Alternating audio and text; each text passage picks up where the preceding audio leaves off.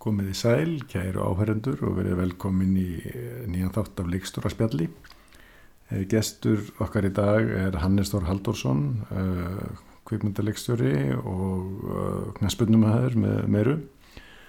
Hannes frumsýndi í haustu sína fyrstu bíómynd, Leinilöka og hefur gengið afberða vel í síningum og alveg sérstaklega með við þetta undarlega COVID ástand sem þetta hefur dreyið úr bíóðasokk töluvert. Um, það sem að uh, mér veist kannski sérstaklega áhugavert við Hannes er að hann er náttúrulega með óvenjulegan feril og hann, hann svona, ég man vel eftir hann byrjaði mjög ungur uh, að gera uh, tónlistamennbönd og auglýsingar og næri rosalega fljótt miklum árangur þar og var einhver, einhver mesta efni og, og svona eina aðstjarnan í auðlýsingaheiminum hérna fyrir einhverjum eh, tíu árum eða svo e, þegar hann svona, þegar allt innu fókbóltinn e, tekur yfirhendina, þegar allt innu allar flóðgóttir okmast þar.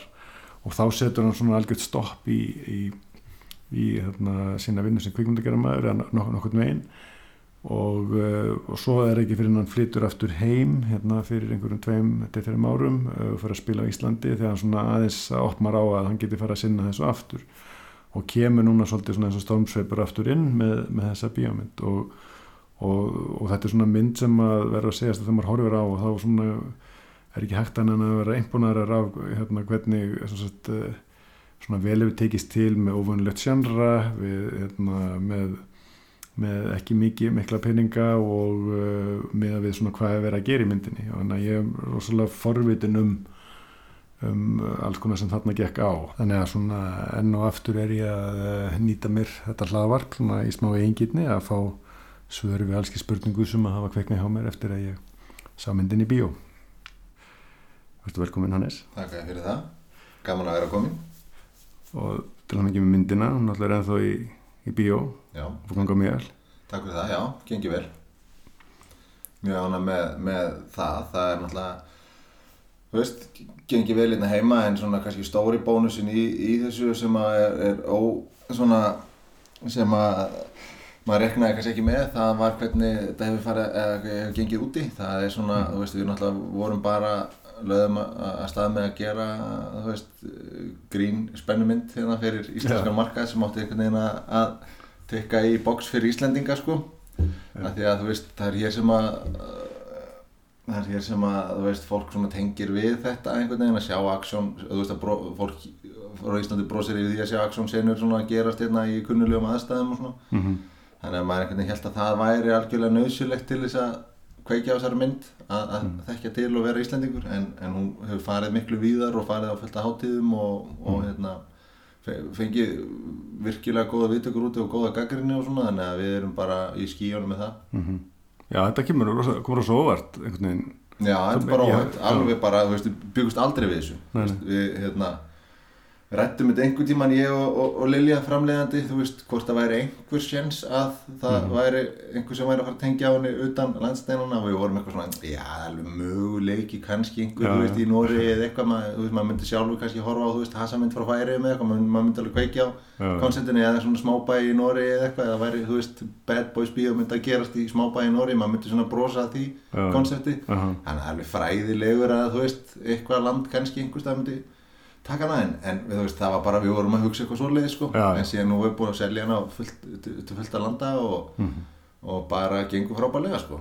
Já, þetta er út af því að sko hérna, húmór eða gammyndir það er yfirleitt ferðast ekki vel Nei Vist, maður, Það er svona, svona yfirleitt sko. Já, en, en, en hérna, það er alveg bara, maður sér allstað sem maður fer það er kannski stærstu myndir í einhverju landi sem er mest að býða kannski eitthvað gammynd mm -hmm. fór ekkert Akkurat. út fyrir landsteina það er svo algengt sko Já Akkurat, og þetta er svona það sem við byggust við að væri tilfellið Já. og var upplegið, það var einhvers sem sagði mér það var einhvers sem sagði mér, ég rætti þetta við einhvern, einhvern uh, útlending og sem að var svona að ráðleggja mér og hann sagði að veist, þetta væri samt oft líkillin að því að gera góða luti sko, mm. að, að vera ekkert að reymbast við að ætla sér einhvern veginn að mm. gera eitthvað sem passar við eitthvað annað heldur bara að vera algjörlega mm. svona ríl í því sem þú ert að gera og, og svona bara vanda og, og svona góð lokal verkefni að þessi oft þau sem að einhvern veginn -hmm. ná að, að skilja einhverju Mhm. svona lengra því að þú veist, maður svona skinjar að það sé eitthvað, það er eitthvað raunverulegt þarna Já, einmitt,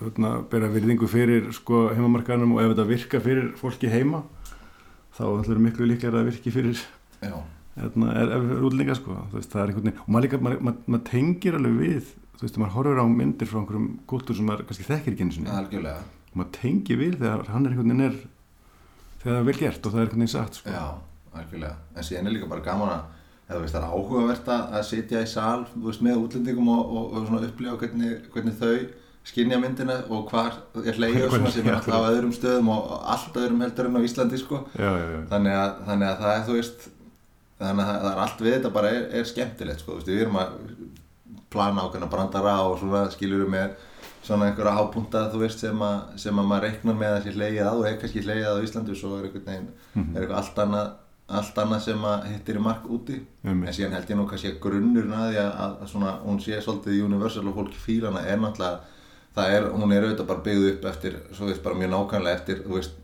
hasarmynda formúlunni og það er auðvitað skemmtilega myndir þegar að vel tekst til, sko. Þannig að þetta er bara mynd sem er, þú veist, hröð og, og er svona, þú veist, auðvelt að einhvern veginn hafa gaman að ef maður fílar svona bíómyndir, sko. Þá að þú þurfur ekkert að kveikja hver með einasta brandara eða, eða hver einasta lokal gríni á Íslandi, þá var þetta samtali mynd sem rennur þægilega og skemmtilega og svona, þú veist, Já. út af öðrum hlutum, sko. Þú, þú skilir ekki þegar hérna, þegar hérna, þau segja að þau hlustu bara exi í bílnum og Já, eitthvað svona. og hérna eitthvað bæja hérna, það sé eitthvað jurisdiction og, og eitthvað bíf millir Reykjavík og Garðabæja og eitthvað svona sko, það er svona og maður skilur það samt sko. Já, já, já, já, en þú kannski fattar ekki alveg staðs eða þú veist hversu nálægt bæirnir eru og svona, en já, já, maður getur alveg tengt við það örgulega sem útlendingur eitthvað, já, þetta er örgulega fyndið, það er örgulega, þetta er svona þetta er Ísland. Já, hann er svona fínibærin já, akkurat, sko. Þannig að ég hefði viljað gera meir úr því, mér fannst það svo skemmtilegt, þetta Reykjavík væri, væri svona ágæslega svona röggett og, og þreytt og, og svona, svona einhvern veginn svona þessi 90s, 80s uh, þreita einhvern veginn yfir henni og svo væri Garðabærin alveg svona glansandi sko, það, það, mér fannst það svo skemmtilegt koncept og, og síðan þegar við tókum hérna, þetta litla brot sem gerist inn á lögustöðu Garðabæjar já, þá var ég bara, ég var ástókin af því dæmi sko, mér langaði bara að gera heila seríu þar inni, mér það svo skemmtilegt, eitthvað svona ógislega slikk löggustöða sem allir eru því líkt fallegir og í, í, í hérna klæðskera sniðnum jakkafötum og eitthvað svona útla brúnir og þannig brosandi og talandi frösum, ég það mjög svona fyndin einhvern veginn löggustöða að koma inn á sko, Já, já, já. ég hef vilja gera meir úr því, það var, hún rétt lifið af sko produksjónuna, svo sena, hún var alveg við það dett út sko, ég þurfti svolítið að berjast fyrir henni. Já, ég skil. En, ég, en mér finnst að það er alveg svona möguleg spin-off serja, þú veist, lögustu Garðabæðir finnst mér sko. já, já, einmitt, einmitt. En við ætlum ætlum að spólum eftir baka út af því ég einhvern veginn hérna, ræði maður mér um þetta. Ég, ég, hérna, ég byrja vel þetta á að sko, svona, spyrja líka bara um fortíðina og svona hérna, hvað kannski leitið ég átt að kvikmynda gera til að byrja með? Svona, hvað kveikti á áhuganum og svona sé mér aðeins bara frá því Já, uh, það er nú, það fer alveg aftur til þess, ég bara til fellaskóla þegar ég var 12 ára. mm -hmm. Þá gerði ég fyrstu stuðmyndina með félögunum sem að var ekkert endilega að plana að ég myndi gera, við bara vorum eitthvað að ræða þetta og, og, og ég svona tók svolítið stjórnina þegar við vorum að gera hana, þetta var, þetta var einmitt uh, hasar, hasar hérna, bankaránsmynd. já, já, heiti Sundmaður um ofurheiti og ég tók einhvern veginn stjórnina og, og, og fekk einhverja bakteríu þarna.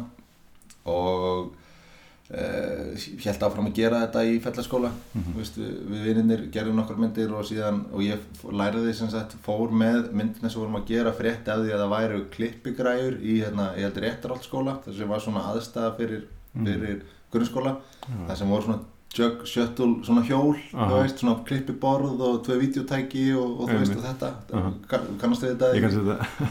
Og ég fekk að fara þangað með maður gæti panta sér tíma sem sagt og ég fekk að fara þangað og ég varð síðan bara svona húsgagnar, ég var bara komið likla að þessu og gæðin sem sá um þetta við vorum bara félaga sko. Mm þannig ég var alltaf að koma þar og klippa myndirnar okkar og, hérna, og síðan held ég áfram með þetta í Vestló þar sem ég fór í vídeonefndina þar og, og var síðan formaði vídeonefndar og, tak- og tók við henni eitt árið þannig að þá er það er bara rosalega álag sko, þá ertu bara í fullri vinnu sem veist, einhvers konar pródusent eða kvikmyndagerð maður hefur formað vídeonefndar í Vestló þetta, þú þú veist, þarf, kannski fattar þetta ekki og hefur ekki verið þarna sko en, en hérna, Ég var þarna sko. já, akkurat sko er, veist, eða þeir sem eru að hlusta eða voru ekki í að það er rosa metnaður og, Mm. og eins og fyrir mig var Vestló í rauninni bara minn kvikmyndaskóli sko, ég fekk ekkert spes, en- einhvernir í Vestló sko, fínar í grunnskóla en ekki, ekki í Vestló að því að þar var ég bara með fókusin annars staðar og bara komin með, þú veist, hausin á kafi í, þú veist, þetta passion sem var bara Mhm. kvikmyndagerð og, og reynda félagslífið þannig að, en þú veist, ég gerði þarna stuttmyndir á hverju ári og þessa 12.0 þætti þannig að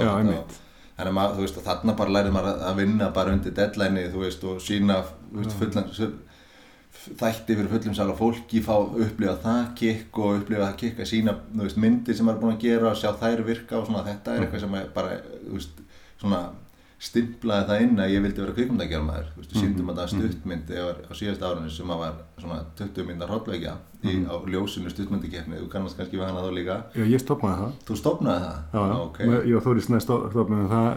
Þess að þá hérna er þetta ekki ljósið, það hérna bara stuttmynd að keppni ljóslefandi. Já, ok, ok. Við vorum með það síðast ára okkar sko. Ég hafi verið vítjan þetta á Já, undan skemmtilegt. Að ég er alltaf hérna að útskýra fyrir fólki hvað, að þú veist, fyrir mér er þetta svo, var þetta svo stórt moment, sko. Já, Ég er alltaf hérna að útskýra fyrir fólki hvað þetta er einhvern veginn mikið mál fyrir okkur þarna þegar við vorum í Vestló, sko.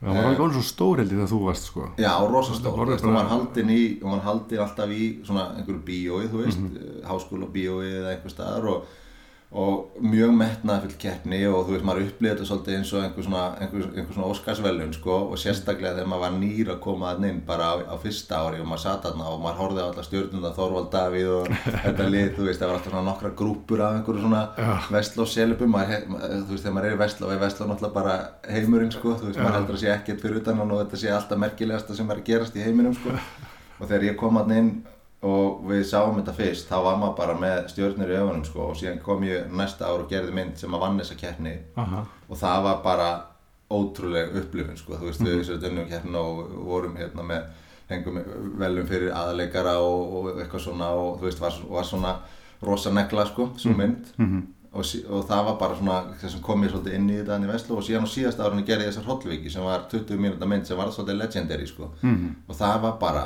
eitthvað svona þessi tilfinning að setja þarna á á fullum sal með mynd sem ég vissi ekki hvort myndi virka því að hún var bara leikin á krökkum í skólanum og, og eitthvað svona, maður var eitthvað með, með efasemdur um þetta. En svo var bara grafa þögn, fólk var farið að þú veist, hérna, skýla augunum og, og þú veist, það var öskrað þegar fólki átt að bregða og það var bara, hún bara skítvirkaði og þetta var svo mikið var svo mikið adrenalin Aha.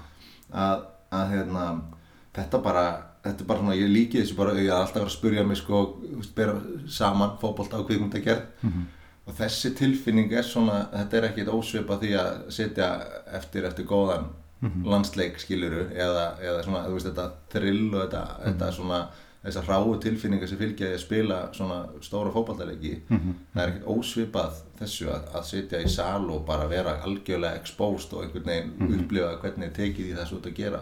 Þarna fannst mér finna það svona í fyrsta skipti bara hvað þetta er þetta eru svona stóra tilfinningar sko, og þegar það virkar, þú finnur Já. henni virka það er ómetalegt sko. Þú hefur þannig það með sko hrollveikjur og gamindir.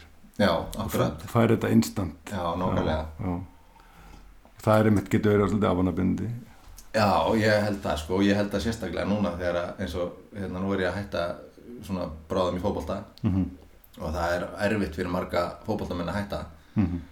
Og ég held að sé út af þessu, þú verður svona háður þessu, þessu svona hæs sem að fylgja þessu, þetta er náttúrulega hæs and- low sko, þú veist, það er Mm, rosa, rosa svona stór skali á tilfinningum við að spila fótbolta, þú veist, ég, þú færð þessa tilfinningu hvergi annar staðar sem er sko, sem, fylg, sem fylgir því að, að dómara flauti leik af og þú bara, þú veist, átt kannski góðan leik eða slafst með að gera mistöku eða eitthvað. Og hérna, þú veist, þú færð svona léttis adrenalíns sigur vímu bombu einhverja. Mhm. Og þetta er eitthvað sem að, þú veist, það fylgir svolítið tómleiki að fá þetta aldrei aftur að þú færði þetta hvergi annars staðar, sambarilega tilfinningu sko. en það hjálpar helling að vera í kvikmyndagerða því að þar getur maður fengið, eins og ég var að segja þann svona, ég held að þetta er- er mörguleiti svipað sko. Já. líka sko, líka bara það til dæmis að fara í, í tökudag Já. það finnst mér Já, það, já. mér finnst það svipa til þess að fara bara, það er bara eins og leikdagur eða fara í leik að að þetta er svona tvent sko, þú, þú ert bara að fara inn í óvissuna svolítið, Mhm. þú veist, þú undirbyrðið eins vel og þú getur og, og síðan gerist bara eitthvað. Og þú ræður ekki alveg við það skilur þú bara einhvern veginn gerir þitt besta á því betur svona undirbúin því líklega er það að gangi vel sko. En, en það getur þú veist farið að snjóa skilur eða það getur einhver bíl oltið eða það getur einhver anskotin gerst sko. Og, og það er svona, það er ekkert ósvipað svona þæginda léttir þú veist þegar það flautað af eða þegar það tökudagur er búin þú svona, heyrðu, þetta gekk vel Já, þetta er svona, þú veist, þegar þú, þú komin með vissuna um hvað, eða skilur mig, þetta bara komið in the bag og þú nú veistu hvað gerðist sko. já. en, en, en óvissan fyrirfram er ekkit ósvipið sko. Já, þetta er kannski nær út af því að sko í, í kveikmyndasalunum þú getur ekkert gert sko, þú bara situr og verður já, já, akkurat sko. ég, ég, svona, ég, ég tók það dæmi ég, já, svolítið sko það er svolítið eins og þjálfari einmitt. Ég, það kemur inn á það sko. þeir eru margir hérna, ólíkir þjálfararnir. Þú eru komin í eitthvað allt annað, komin í fókbaltapodcast en eins og Lars Lagerbach, hann segir aldrei neitt þegar, hann, þegar að, hérna, leikurinn byrjar sko. það setur hann bara, hann búinn að vinna vinnuna sína skilur og það setur hann bara og horfir á hvað gerist. Það er svona svipað að þú ert að lýsa eða að horfa á mynd- myndina þeina það er ekki eins og getur staðið og breytt einhverju þegar það er komið í gang sko. Einmitt, ekki miklu allavega. Nei, en, en, en, en ég tók samt hitt dæmið að því að veist, en það er ekkit ósvipaðar svona hráar tilfinningar sem að, þú veist, fylgja kannski eins og ég bara stærstu landsleikjónum hérna, þú veist, það sem að þú ert bara einhvern veginn það er, að, að, það er að kveikta öllu og það er allt bara, þú veist, þetta verður ekki stærra, sko, og, og þú veist, það að frumsýna kannski mynd, það Já. er á svipum skala. Og þessi svona stóru, stóru leikir, en svo kannski ef við berum saman eins og minni leikina og það, það er svona eins og bara eins og tökudagur, skilur, Ég það er svona, Já. það er svona einhvern veginn, það er bara svona, jú, þú veist, það getur allt gæst í þessu og svo bara svona léttir að gekk vel. já, já, já, já, þetta er alltaf góð líking sko. hérna, Hilmar Oddsson var hérna hjá mér hann sagði, ég er með þrjár ástrýru í lífinu. Mm, fótbolti og kvikmyndagerð og tónlist. Ok, þú, þú ert ekkert með jólalega núna? Bæta við þriðju, þriðju vinnunni. Nei, ég er ekki, ekki tónlistamæður, ég er hérna, ekki, ekki komist ángað, sko. en þú ert með, þú ert með þetta eru svona tvær svona ástrýru sem þú ert búin að vera með Já, já, mjög lengi Já. og ert einhvern veginn búin að hafa gæfu til þess að geta unnið í báðu. Akkurát. sem er náttúrulega magnað Já, það er, það er svolítið sérstakt og óvinnilegt og hérna, fólk er eftir með að skilja þetta þegar að ég, að ég spurður út í þetta í, í viðtölum og svona en, en þetta, er, þetta hefur einhvern veginn gengið og, og hérna, ég er náttúrulega bara búinn að láta þetta ganga, þú veist, þetta atvikaðist þannig þegar ég var yngri þá um, var ég rauninni í, í, á þessum verslu árum sem ég var að lýsa áðan þá var ég ekkert fótboltamaður þá var ég miklu meiri kvikmyndagerða maður.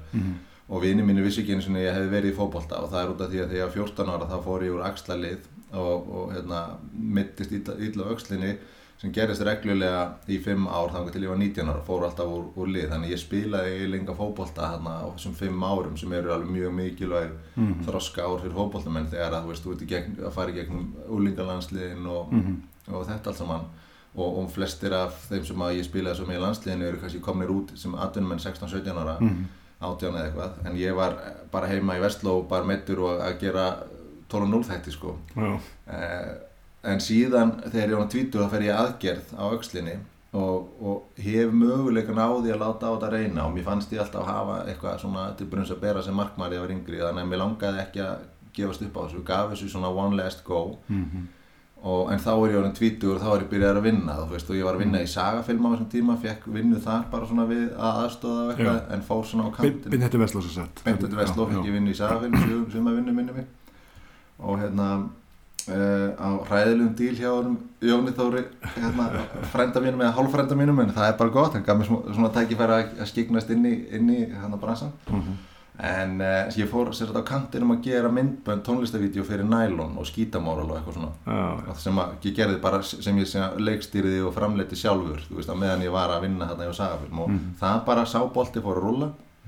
Hætti ekkert að rúlla, ég fór að gera auðlýsingar og eitthvað svona og á meðan var ég að sem vinna mig upp sem fótballtamæður ég byrjaði þarna í, í þriðudeldinni á Íslandi að, að þú veist, sjá hvað ég geti gert úr svo fótballta hérna, sem að ég hefði verið að æfa öll þessi ár síðan ég var 6 ára. Og það var náttúrulega, ég reiknaði ekkert með að vera fótballtamaður sko. ég var bara að byrja að vinna sem kvikmyndagjara maður en ég samt einhvern veginn vildi gefa fótballtanum allt sem ég átti. Og svo og gekk vel fyrsta ár mitt þar.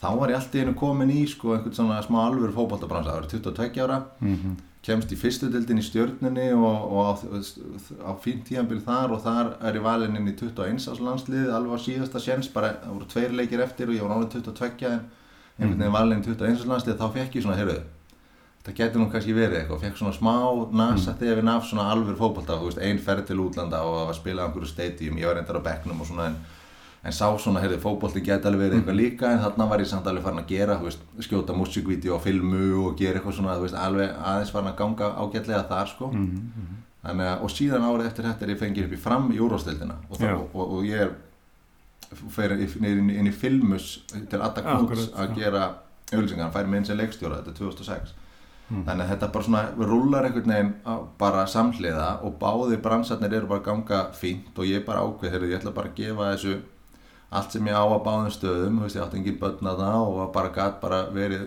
veist, bara hvað heitir það hérna e, þegar maður er bara svolítið erfið við sig, nú vantar mér orðið hérna Já, bara með kröfar sjálfæði og Ósérlífin, það er orðið já. Já. Mm -hmm. og hérna og vann mikið og, og laði mikið í fókbaltan og, og ætlaði bara að sjá hvort myndi enda ofan á mm -hmm en síðan bara held, bæ, held áfram að einhvern veginn stækka á báðanstöðum þú veist, ég, endanum þá, þá fór ég inn í sagafilm sem leikstjóri og komið þángaðindi 5 ára setna 28 ára mm -hmm. og er að, að gera auðlýsingar bara fyrir, þú veist mörgast stærstu fyrirtækjum landsins og á sama tíma ég, fæ ég samning hjá KR og, og mm -hmm. veist, við verum Íslandsmeistarar og springur allt út þar og ég kemst inn í uh, landsliðið mm -hmm. og það er svona, þú veist, og með rosa, þú veist, á, álag á bakinu í, í sagafilm og þú veist mikið að gera þar og var að byrja að gera með fyrstu erlendu verkefnin í sagafilm þegar að þú veist ég er bara, við erum bara að spila með alansliðinu að þú veist í play-offs í fyrsta skipti er hann að komast inn á HM mm. og þú veist og ég er alltaf bara vinnandi fulla vinnu, rosa krefjandi vinnu og þessum tíma var, vorum við eignast fyrsta barnið okkar 28 um ára þannig að, og það var bara, þetta var að verða á mikið sko, ég var bara, mm. þú veist, það kom að tímabil 2013, það sem að ég var að gera norska auðlýsingu fyrir mm. skýr mm. sem var fyrsta erlenda auðvisengi mín og með svona rosa krefjandi kuna á bakinu og þú veist, og svo er ég í K.R. og það er ekkert eitthvað það er ekkert eitthvað svona gimme five að vera í K.R. þú veist, þú, mm. það er bara eins og atvinnumennska þú veist, það er bara mikið demand á, á að maður standi sig og maður sé mm. þú veist, að mæta á svona og getur ekkert verið að byggja frí á æfingum en ég lendi því að ég held ég að við þurftum að byggja þrjá daga í röð um, um frí mm og í síðasta, síðasta daginn það var hérna Átni, Átni Björn sameilu vinnur okkar, hann var að framlega þessa auðvilsingu, mm -hmm. sagafilm og hann, sagafilm vissi alveg að ég væri fókbóltamæður og ég var svona sænar á þeim fossendum eh, og þú veist og það, og það voru allir rótni þreyttir á þessu en það var ekkert hægt að segja, þú veist ég þurfti alltaf að standa upp klukkan fjögur og fara á æfingar mm. skiljur og, mm. og það þurfti að plana tökur í kringum fríin mín og þú veist í kringum minna fókbólt alltaf mhm. þannig að það var, það var alveg vitað Þannig að, þannig að það kom alltaf upp móment, ég var búinn að byggja Rúnar um frí tvo dagi rauð og ég sagði við Átnabjörn, það er ekki séns að ég byggja um frí þennan dag þarna, ég bara geta ekki, mm. það er ekki fræðilegur, en ég var alveg með steins og sleggju, kunninn var hérna komin og vorum held ég að fara upp á ESU, mm. í eitthvað þyrluflug að skoða ykkur að, að það var allt í steik, þú veist, ætlum að, vorum að leiðin í tökur og tökur, tökustæðin var ónýttur út af snjó eða eitthvað, þetta var eitthvað svona algjörð veður svona fjasko og voru bara svona að einhvern veginn auðsa vatninu upp úr bátnum sko mm -hmm. og kunni hann á staðinu og það var fundur klukka 5 eða eitthvað og æfingi var klukka 5 og þetta var þriðdagarnir og ég var bara segjandi allan daginn ég fer á æfingu, ég fer á hama bara nei, þú ferð ekki, þú getur það ekki mm -hmm. og það enda á því ég varði að lúfa og bara korter í 5 eða eitthvað þá tók ég upp síma bara ringdi eitt erfast að sínda sér tekið í rúna bara er þú veist að ég myndi aldrei vera að taka þetta símtali um að ég er bara í hræðilegu máli með það sko og bara ég byrst innilega afsökunar af þessu en ég verð að mm. byggja um frí aftur í dag og ég bara, ég veit þetta er hræðilegt og sorry og Rúni var alls ekki sáttur en, en gaf mér fríð og sagði bara nú verðum við að fara að gera mm. þetta gengur ekkert svona sko mm. og hérna og síðan komist við um svo sem ég gegnum þetta, þetta var um vorið og við verðum íslensmestarar þetta ár en, ég, en þú veist það var alltaf alltaf koma fleiri og fleiri verkefni, fleiri og fleiri áreikstarar mm -hmm. mm -hmm. og hérna ég fann það bara, var, það var eitthvað, var eitthvað undan að láta sko. mm -hmm. þannig að á þessum tíðanpunkti í lókinu þessu ári þá fekk ég tækifæra að fara út til Sandnes Úlf sem aðtunum að er í pínlíti liðin orði sem áttu bara að tækja ára samning og ég held að er þið bara það og það var alveg rosa svona mikill lettir að geta Já. að parkera aðeins kvikmundagerðinni, búin að vinna í þessu samhliða í tíu ár og bara einbeitt mér að fótbolta Mm. en það upplýði ég það bara eins og að vera komin í frí sko, þú veist, Já, að já. atvinnumennska er alveg full vinna en, en þú veist að mæta það nút og fá, og þú veist, þú eru bara að mæta eina æfingu á dag Já. með mestarlagi tvær og vera komin heim þrjú á daginn sko, það er það er bara, já. það er bara, mér fannst þetta bara vera algjör veistla sko Mhm, mhm. um, þannig að en svo venst maður því og verður rúðulatur og, og fór að orkina sjálfur sér að það er tvær æfingar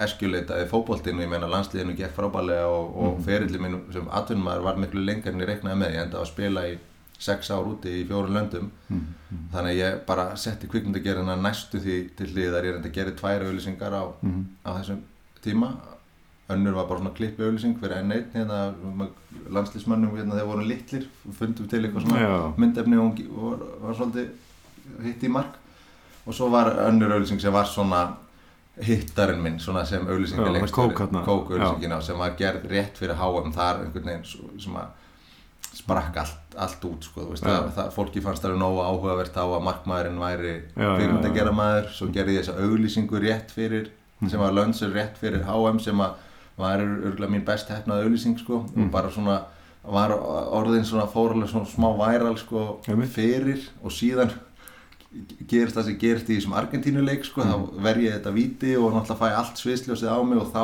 þú veist Mhm, e- hérna einhvern veginn, þetta var svona einhver svona perfect storm í nokkra daga sko, Já. að ég gerði þessa auðlýsingu sem var vel hefnuð Já. ver síðan þetta víti frá Messi og í nokkra daga var þetta bara fréttan út um allan heim Já, og þú veist, símið minn alveg gjössalega logaði og þetta var bara svona mjög sérstakki dagar sko. Ég menn þetta, þetta, það vissi allir að markmaður Íslands.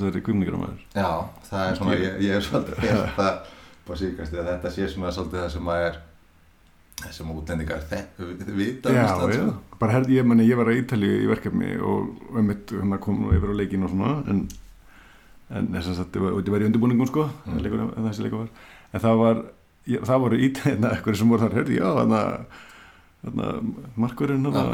kvimningaramaður og, og, og, hérna, og, og reyndar heldur allir væru, sko, að áhuga menn í reynu líka, sko.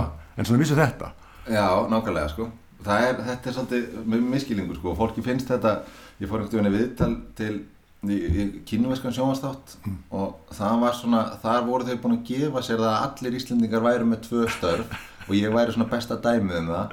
Og ég var svona að reyna að segja að maður væri endilega alltaf þannig en þau voru svona, þau eiginlega settu sér ekki við þau. Vildu svona, öll svör mín væri einhvern veginn getur ekki samt sagt að Já. Íslendingar séu allir svona því það var konceptið þeirra sko. Já, já, já.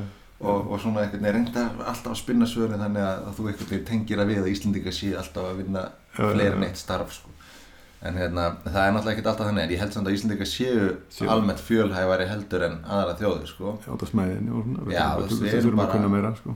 já, ég held að það er svolítið þannig við þurfum að kresta meira út úr hverjum einstaklinga því að við höfum ekkert eitthvað að neta einhverjum Mm. 50 miljónum í kringum okkur eins og kannski það er alltaf að vera að bera okkur saman við, þú veist, Coventry eða einhvern svona bæ sem er með sama population og við En það er alltaf með, þú veist, 50 miljónir viðbót í kringu því og eitthvað net. Við höfum bara þetta og við þurfum að búa til spítala og sjónvástöðar og dagblöð og infrastruktúr og allt út úr þessu, þessu fáa fólki, sko.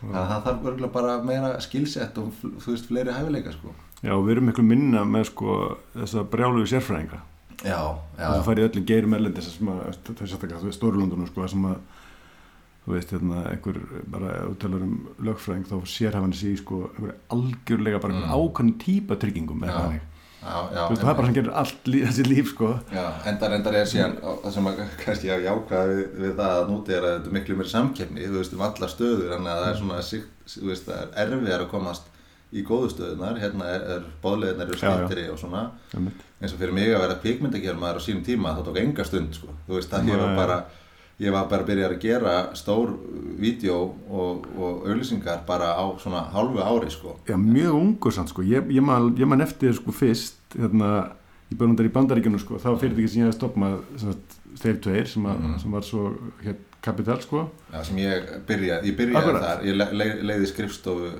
eða sagt skrifborð inn á þeim sem, Já, já, einmitt það var svona fyrst, fyrstu skrifin. Já, ég, ég man einhvern veginn hitti ég því þarna þessu, Mhm. um hverju ég kom heim sko og þá var eitthvað svona, já, Hannes litir hérna eitthvað annir og svo góður klippa eitthvað svona, man ég var, heyrði, heyrði svona að tala um mig. Og svo, svo man ég að næst ég kom heim þá varst að gera fyrir stórt verkefni fyrir, fyrir þá, ef mann rétt sko. Fyrir? Bara fyrir fyrirtækið, það var ekki mann ekki alveg hvað það var þá varst allavega varst að, varst að vinna í einhverju svona sem ég bara í nú er hann, er hann, ég, var framleiða sjálfur sko. Þannig ég hef örugglega verið að gera ég var farin að gera auglýsingar og, og eins og ég segi músikvídeó og svona alveg þú veist tekin á filmu sem á þeim tíma var alveg ert það er að bara það sem er að vísi sko já, þá var maður svona, þá fannst manni maður að vera farin að meika smá sko, Já, já. farin að fara til London og framkalla á svona einmitt, einmitt en, hérna, en já, ég, ég vann ekkert mikið fyrir þá tvo, ég held bara nánast ekkert ég klift eitthvað já, smá fyrir þá Þetta er bara að vera inn á hérna, já, ég var alltaf að gera mitt sé á þessu. dót inn í, í Já. þeirra inn á skrifstofunni hafðum basically sko. Akkurat, akkurat En, en svo man ég sko í filmus sem sagt, uh, þá náttúrulega heitust við þegar hérna, ég er að undirbá svartur á leik sko. já, og þá man ég að varstu mitt hérna, komin að hérna, fylgdi fótboltan líka og varum eitthvað að ræða þetta sko. mm. en hérna, hérna, en hérna út af þessi ungur samt sko, komin og svolítið góðan stað í þessu veist, það er, það er ekkert eitthvað gefið þó að þessi lítið land og allt það, Nei, nei, nei, nei, það er alveg rétt. Og ég meina það er alveg svona þú veist drifkraftur í, mér sko. Og ég svona, er alveg svona dúer þú veist þegar kemur að því að láta hluti gerast og, og, og, og þannig. Þannig að ég fó bara í þetta að, að svona koma mér, reyna að koma mér í þessa stöðu. Og það gekk vel um, og, og gerist hratt. Ég meina ég var eins og, eins og ég var að segja áðan að vinna í sagafilm um, sem bara þú veist bara ef við tökum eitthvað svona, eitthvað svona hýjarki þá var ég neðstur þar sko, bara búið til kaffi og eitthvað og, og, hérna, og síðan en þú veist á mjög stuttum tíma var ég farin að leikstýra og framleiða samhliða því. Þannig að ég var kannski á einum stað í sagafilm bara búið til kaffið og sækja dót sko á meðan kannski bara í vikuna eftir var ég að leikstýra sama krúi og framleiða sjálfur sko þannig að þetta svona það var músikvídeón þá sem já, já, sem að síðan bara hlóðu upp á sig og örði að, Mm. að auðlýsingum og þú veist það fréttist bara að ég geti gert ódýra hluti og látið að lúka ágætlega og þá fór þú veist fyrst ringdi Mm. FM já. 957 bara með um að gera auðlýsingu og svo ringdi Valli Sport og ég fór að vinna svolítið fyrir hann fyrir Pipar aha, og hérna og svo bara svona smá sá komst ég í stærra stærra verkefni og eins og inn í filmus þarna. Og þar gerði ég fyrsta sjónvarsverkefni mitt sem var atvinnumyndan okkar, það var akkurat. 2008 þú varst að vinna í því því. Já. og það var svona, þú veist, að, og, og, og málið er sko að uh, til þess að vinna sem kvikmyndagjara maður með fótbolta þá var eiginlega eini sjensin að vera auglýsingarleikstjóri út af því að, að, því að tökurnar er langmesta vesinið með æfingunum, þú veist, æfingarnar er alltaf glúin 5 á daginn Mhm. og, og tökurdagur eru 12 tímar þannig að það er ekkert hlaupið að því að, að fara í langar svona uh, periódur af tökum og það er meira sér alveg erfitt að vera púslaði saman einn og einn dagur inn í þessar æfingar þú veist, annarkvort þarf maður byrjum frí eða setja þetta eina daginn í vikunni sem er frí sem ég reyndi alltaf að gera Mhm.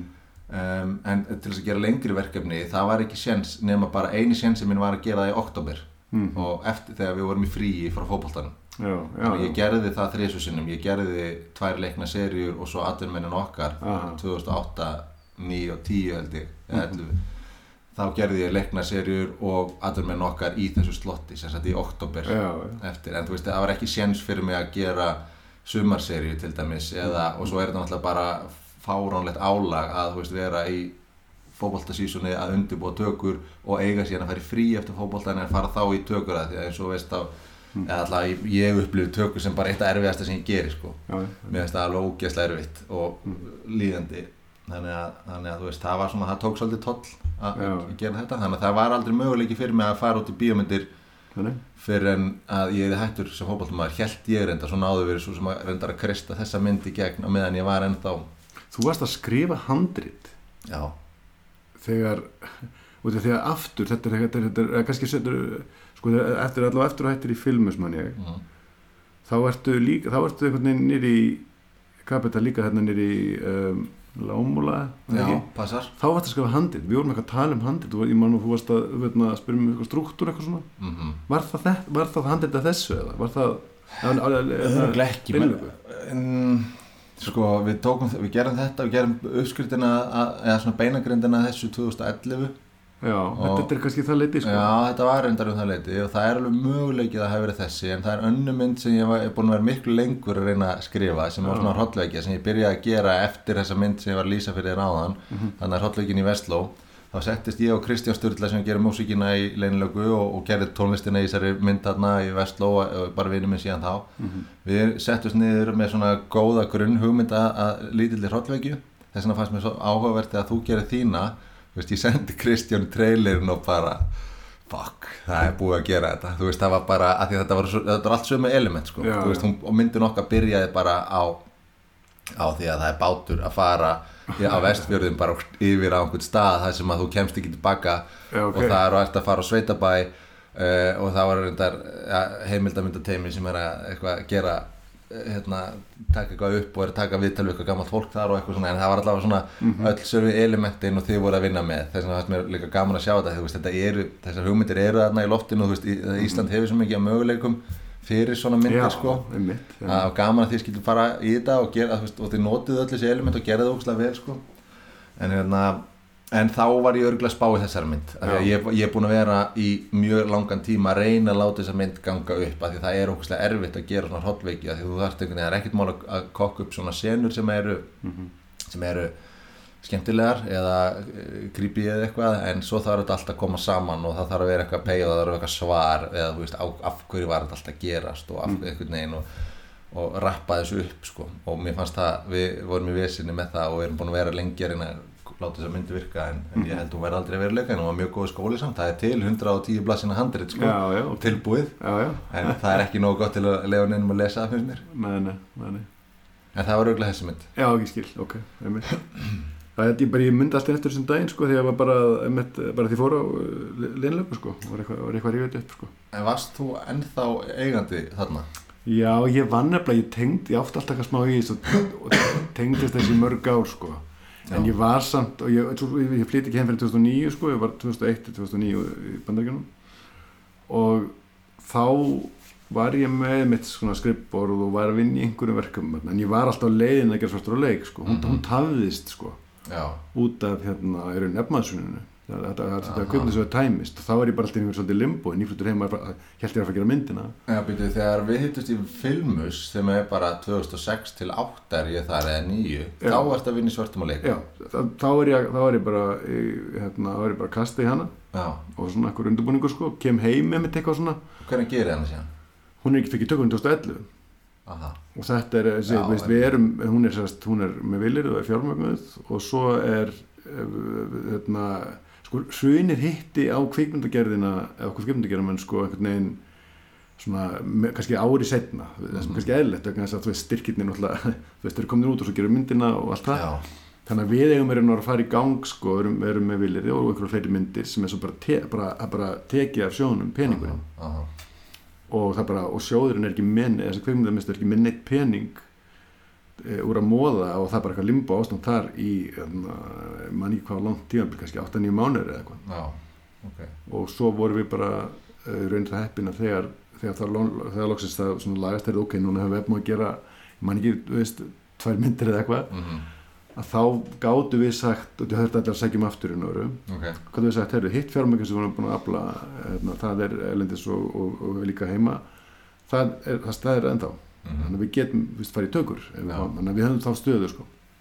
en var, þetta var svolítið svona fyrsta þetta, nei, já, svo ekkert fyrsta en þú veist, þetta var svona svolítið nýtt, þú veist, svona glæpa þú veist, Já, rætt Já, og dóp og alls konar, þú veist, var, hvernig var, þú veist, tekið í það bara á sjónu, var erfitt að fá þetta í gegn eða? það var daldið erfitt sko. það var daldið svona já, þetta var, þetta var lítið hotnaga sko, svolítið, en uh, en við bara djöflumst í þessu sko. Þetta tók bara eins og, veist, eins og er ofta að fólk er að gera fyrstu mynd það er, veist, það er bara einhvern veginn að hafa full að trúa því og hamast og hamast sko.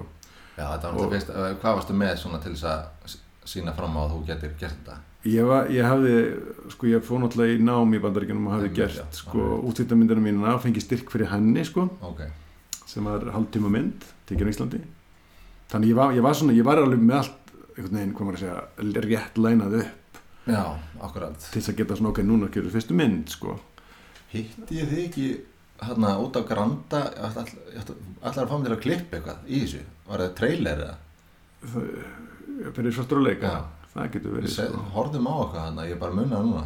Já, það getur verið. Já, kom hérna, eitthvað kvöldið hann hérna hjá Addátt og Granda. Já, já, ég veit ekki hvað, það hefur verið trailer eða eitthvað sem það, var það getur verið sko, ég, ég maður það ekki. Ok, anyway Já, en það allavega, hérna, þannig að, veist, ég- Filmus og Sikrak voru saman með þetta verkefni, þannig ég var svona, þú veist, já, báðastu, ég var kannski meiri Filmus ég var sérstaklega í undirbúningum, sko. ok En, en hérna, en já, sko, þess að þú kannski fyrir núna yfir í línlöku sko. Þetta, þetta, þetta, þetta, þetta er rosalega áhugaverð leið Mm. við erum nú verið mjög svona einhvern veginn hérna, einmitt að svona hérna, kemur góð pása í, í þennan feril sem er algjörlega að mann átt að gera já, já, þegar, hérna, þegar fótballin tekur við í nokkur ár sko. er svo áhugavert sko. en svo hérna, já, svo kemur ég heim og svona einhvern veginn ert, ert ennþá að spila en svona ok, nú kannski er ég með tíma til að kí- kýla á þessa mynd. Hvað hva er sem er að spara undirbúningum á því og hand, handreitskrifunum á því? Ég get nú ekki sagt að ég hafi upplifað að ég hafi haft tíma til að gera þessa mynd vegna þess að um, að ég var ennþá fótboltamaður sko. Og, og þú veist í landsliðinu veist, var að, þetta var tekið á tímabilinu 2020 þar sem að veist, við í val urðum Íslandsmeistarar og ég var að spila hérna við, við England á lögðusvellinum og eitthvað bara á, sama tíma við vorum að skjóta þetta. Þannig að hérna, þetta var mjög mikið challenge að gera þetta. En það að ég skildi flytja til Íslands það gerði þetta mögulegt Já, þú veist, þar gæti fara að hitta fólk aðeins og ég og, ég og Öddi og þeir hittumst og við fórum að ræða hvort að leynilögan væri ennþá relevant og ætti svona þú veist, erindi. Mm -hmm. en því að við ætliðum náttúrulega að gera þetta 2012 eitthvað svo leiðis og, og það var rosa hitt í þessu og, og mér fannst þetta alveg hrikalega leiðilegt að hafa ekki, að ég fann að þetta var eitthvað, að var eitthvað í þessu sko. Mér langaði alveg geðvegt að gera þessa mynd. Um, og mér fannst líka mér fannst þetta svolítið perfekt svona fyrsta mynd fyrir mig að gera því að ég vissi að það örugglega- hún myndi örgulega vekja svolítið aðtegli og þetta var eitthvað sem ég, mér fann að ég geti gert. Og, og samt mynd sem að veist, tekur sér ekkert alvarlega þannig að það má alveg gera mistök og það má alveg svona, þú veist, er góð mynd til þess að læra á sko. Um, þannig að ég var alveg rosa spenntur fyrir henni og, og við, en við rættum þetta síðan þegar ég kom 2019 aftur hvort þetta væri eitthvað og við fórum að lesa. Það er það bara byggt á trailerinu sem gerur Nei, nei, við gerðum sem sagt eftir trailerinn. Þá var uh, þá settust við niður heilt sumar ég, Öddi og Egil út af því að bíóin vildu bara fá þessa mynd, ringdi í okkur. Já. Og, og baða okkur um að skrifa hana. Og við gerðum það, sagt skrifum uppkast að myndinni bara, sem var bara endaði í 20 blaði sína vördskjali eitthvað svo leiðis sem að Sveppi og Bræi fengu árið 2011 held ég. Og þeir gerðu svona hendu því inn í handreitaform þannig að það var gert draft sem var 100 blaðsjur eða eitthvað Mm. á þessum tíma.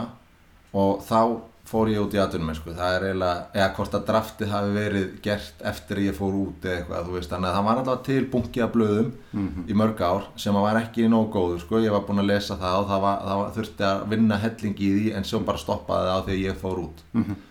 Og hérna uh, og því held að það var samt farið með það inn í kvikmyndasjóð einhvern tíma meðan ég var úti og allir ykkur aðrir hugsaðlega að gera þetta og eitthvað svona en það var bara alveg mein galla, þú veist, og ég sá það alveg, eða þú veist, það, það var alveg augljóst bara frá, frá því að þú last það fyrst, bara fyrsta draft Já, já, algjörlega.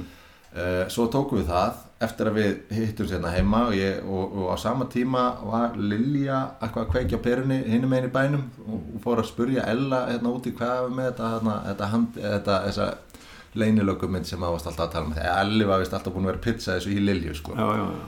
og því hún fannst þetta svo skemmtilegt hann var að gera þessa seríur með mér á sínu tíma og unnum ekki saman í að Elli Kassata já, já. hérna, hérna aðdunum minnum á það Nei, manna sig gils já. með mér. Aha.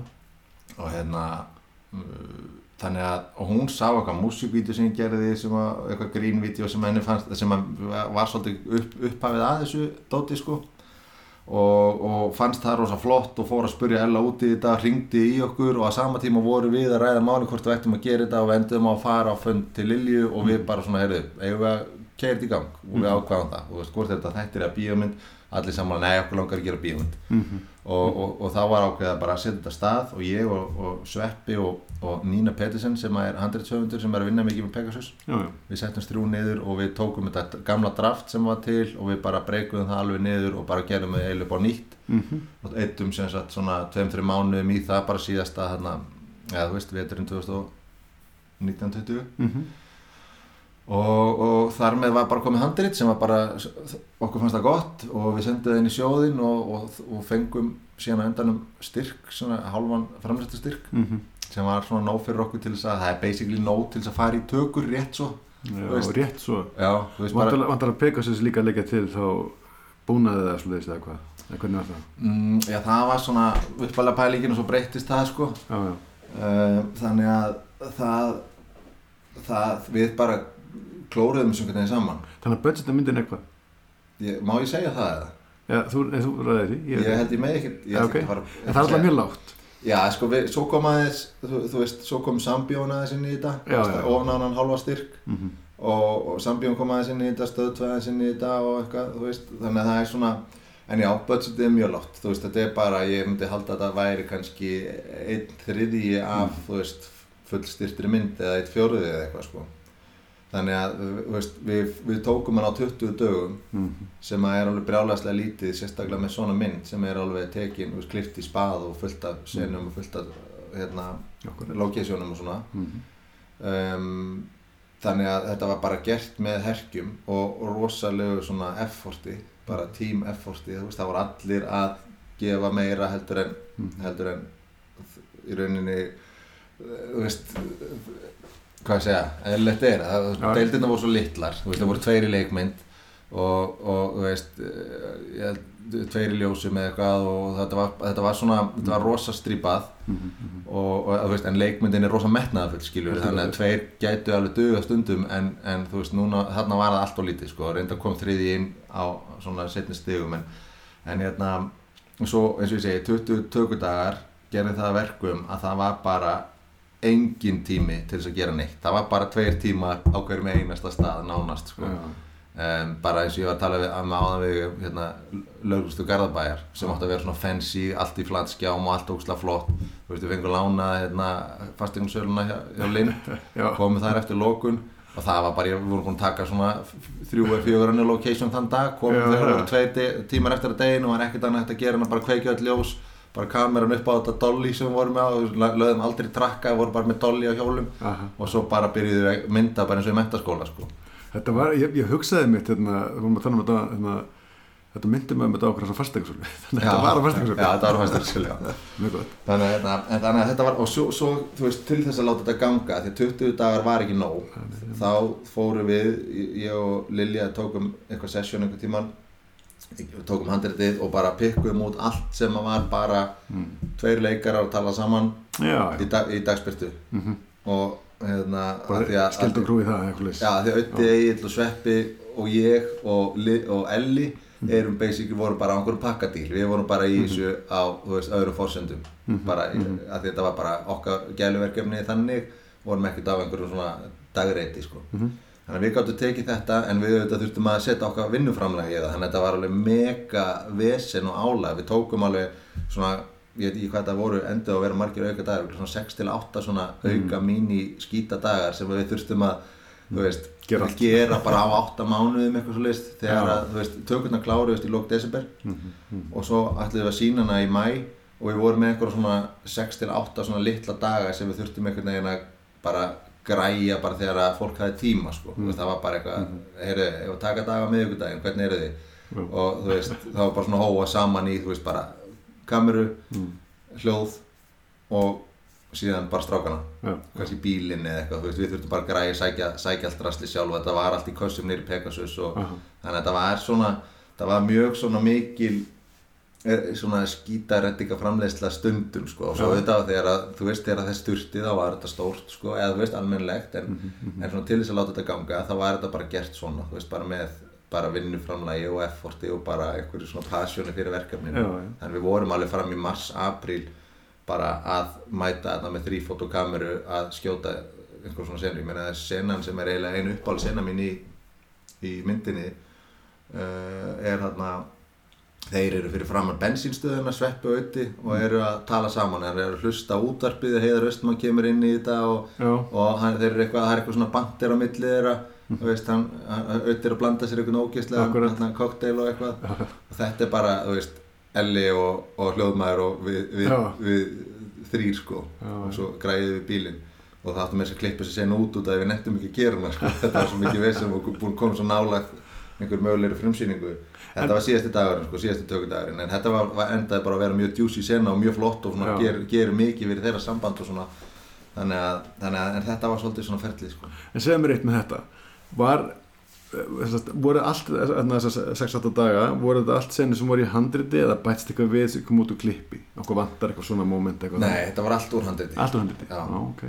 Og, og við, sem við vissum bara að við yrðum að retta setna þetta Já. var bara svona setni tíma vandamál. Við tókum allar sem senur út fórum í tökur í november og desember og hérna og svo bara vissum við að einhver tíma þurftum að díla við þetta. Og það var bæði svona samtalsennur og síðan voru einhver svona, bíllinn að skransa uh, veist, fórum einhver, tókum einhver drónadag með, með bílnum að keira út um allan bæ og fórum inn í bílakjallar aftur að hérna að láta hann skransa eitthvað og svo var undir einhverju pick-up dagar, þú veist það sem að eins og til dæmis bara uh, sena sem gerist inn í bílakjallarinu þegar að Rúrik er að slást við strákana og bílinn er að keira í burtu og, og allt það.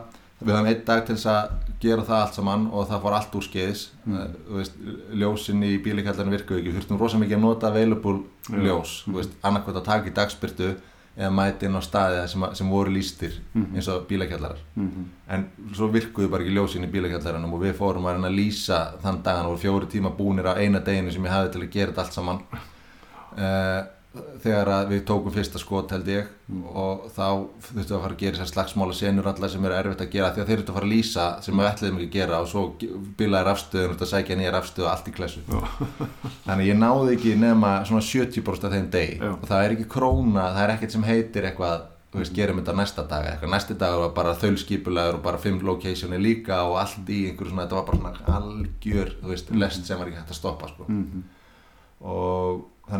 svona að að ég, Rúrik, Ötti og Egil og Elli fórum einhvern tímann bara með kameru þannig nýrtir og já, þá er ég búinn að klippa senuna og var bara með textaskilti Já, já. close up, bissa hér, lítið við hér hérna, já og svo var frændi með Bjarni að keira, keira kvítabílinn þannig að hann var bara, þú veist, mér finnst þú sena svo gott dæmi um hvað þetta einhvern veginn er svona eitthvað, eitthvað þetta er eitthvað lítið og auðmyggjulegt þegar þú ert að gera þetta.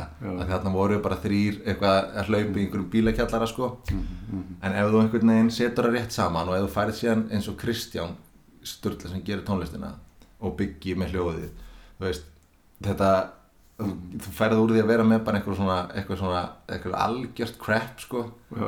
yfir í þú veist, þetta er svona þessi sena þú maður upplifar hann svolítið stóra sko, hún er alveg, þú veist, svo er að klippi eitthvað annað og svo þetta og þú veist, þetta kemur allt saman eins og svona, þetta er svona episka aksjón senan í myndinni sko. Og, og, og þú færið alveg svona þú veist, hún kraftmikil þú veist, bara, en, en þegar þú brýtur þetta niður þá er þetta bara, eins og ég segi bara við með einhverja kameru að eitthvað svona, það og, og eitthvað svona ógstlega mikilvægt sko en svo kemur þetta saman og það er svona beauty við, Það, þetta er við, þetta sko algjörlega, sko, það, þetta minnir mig á að það var sletta svona eins og eftir á leik, sko. Já, ok. Hérna, ég og hérna, besti vorum, veist, að fara tveir, já, bara oft eitthvað, eitthvað, að gera eitthvað, sko. Nei, og kannski með leikar eða eitthvað, ég man eitthvað svona, þess að dópsinnur, eitthvað, eitthvað að kaupa og selja, við fórum bara eitthvað, og, veist, ég var með dóp einhverju tösku, já, hefði fengið það og við erum alveg bara tveir, bara með kanóvelina, sko. mhm, Og svo, svo eitthvað ekstra, svo, og svo, svo líka, og það er eitt og annað sem ég gerði svona. já, og svo einmitt, eh, en svo pikkum við upp sko, ég ætla þess að vera að spyrja um þetta á hann sko. þá, þá vorum við að pikka upp sko, einmitt eitthvað sem ég hafði ekki alveg klárast að deginum eitthvað þannig mhm, og svo bætti ég við sko. eftir að klippið er það voru bara, það vantar alveg svona moment þess að ég var svolítið fórtum með það þú hefur eitthvað að vera að gera svoleið sko.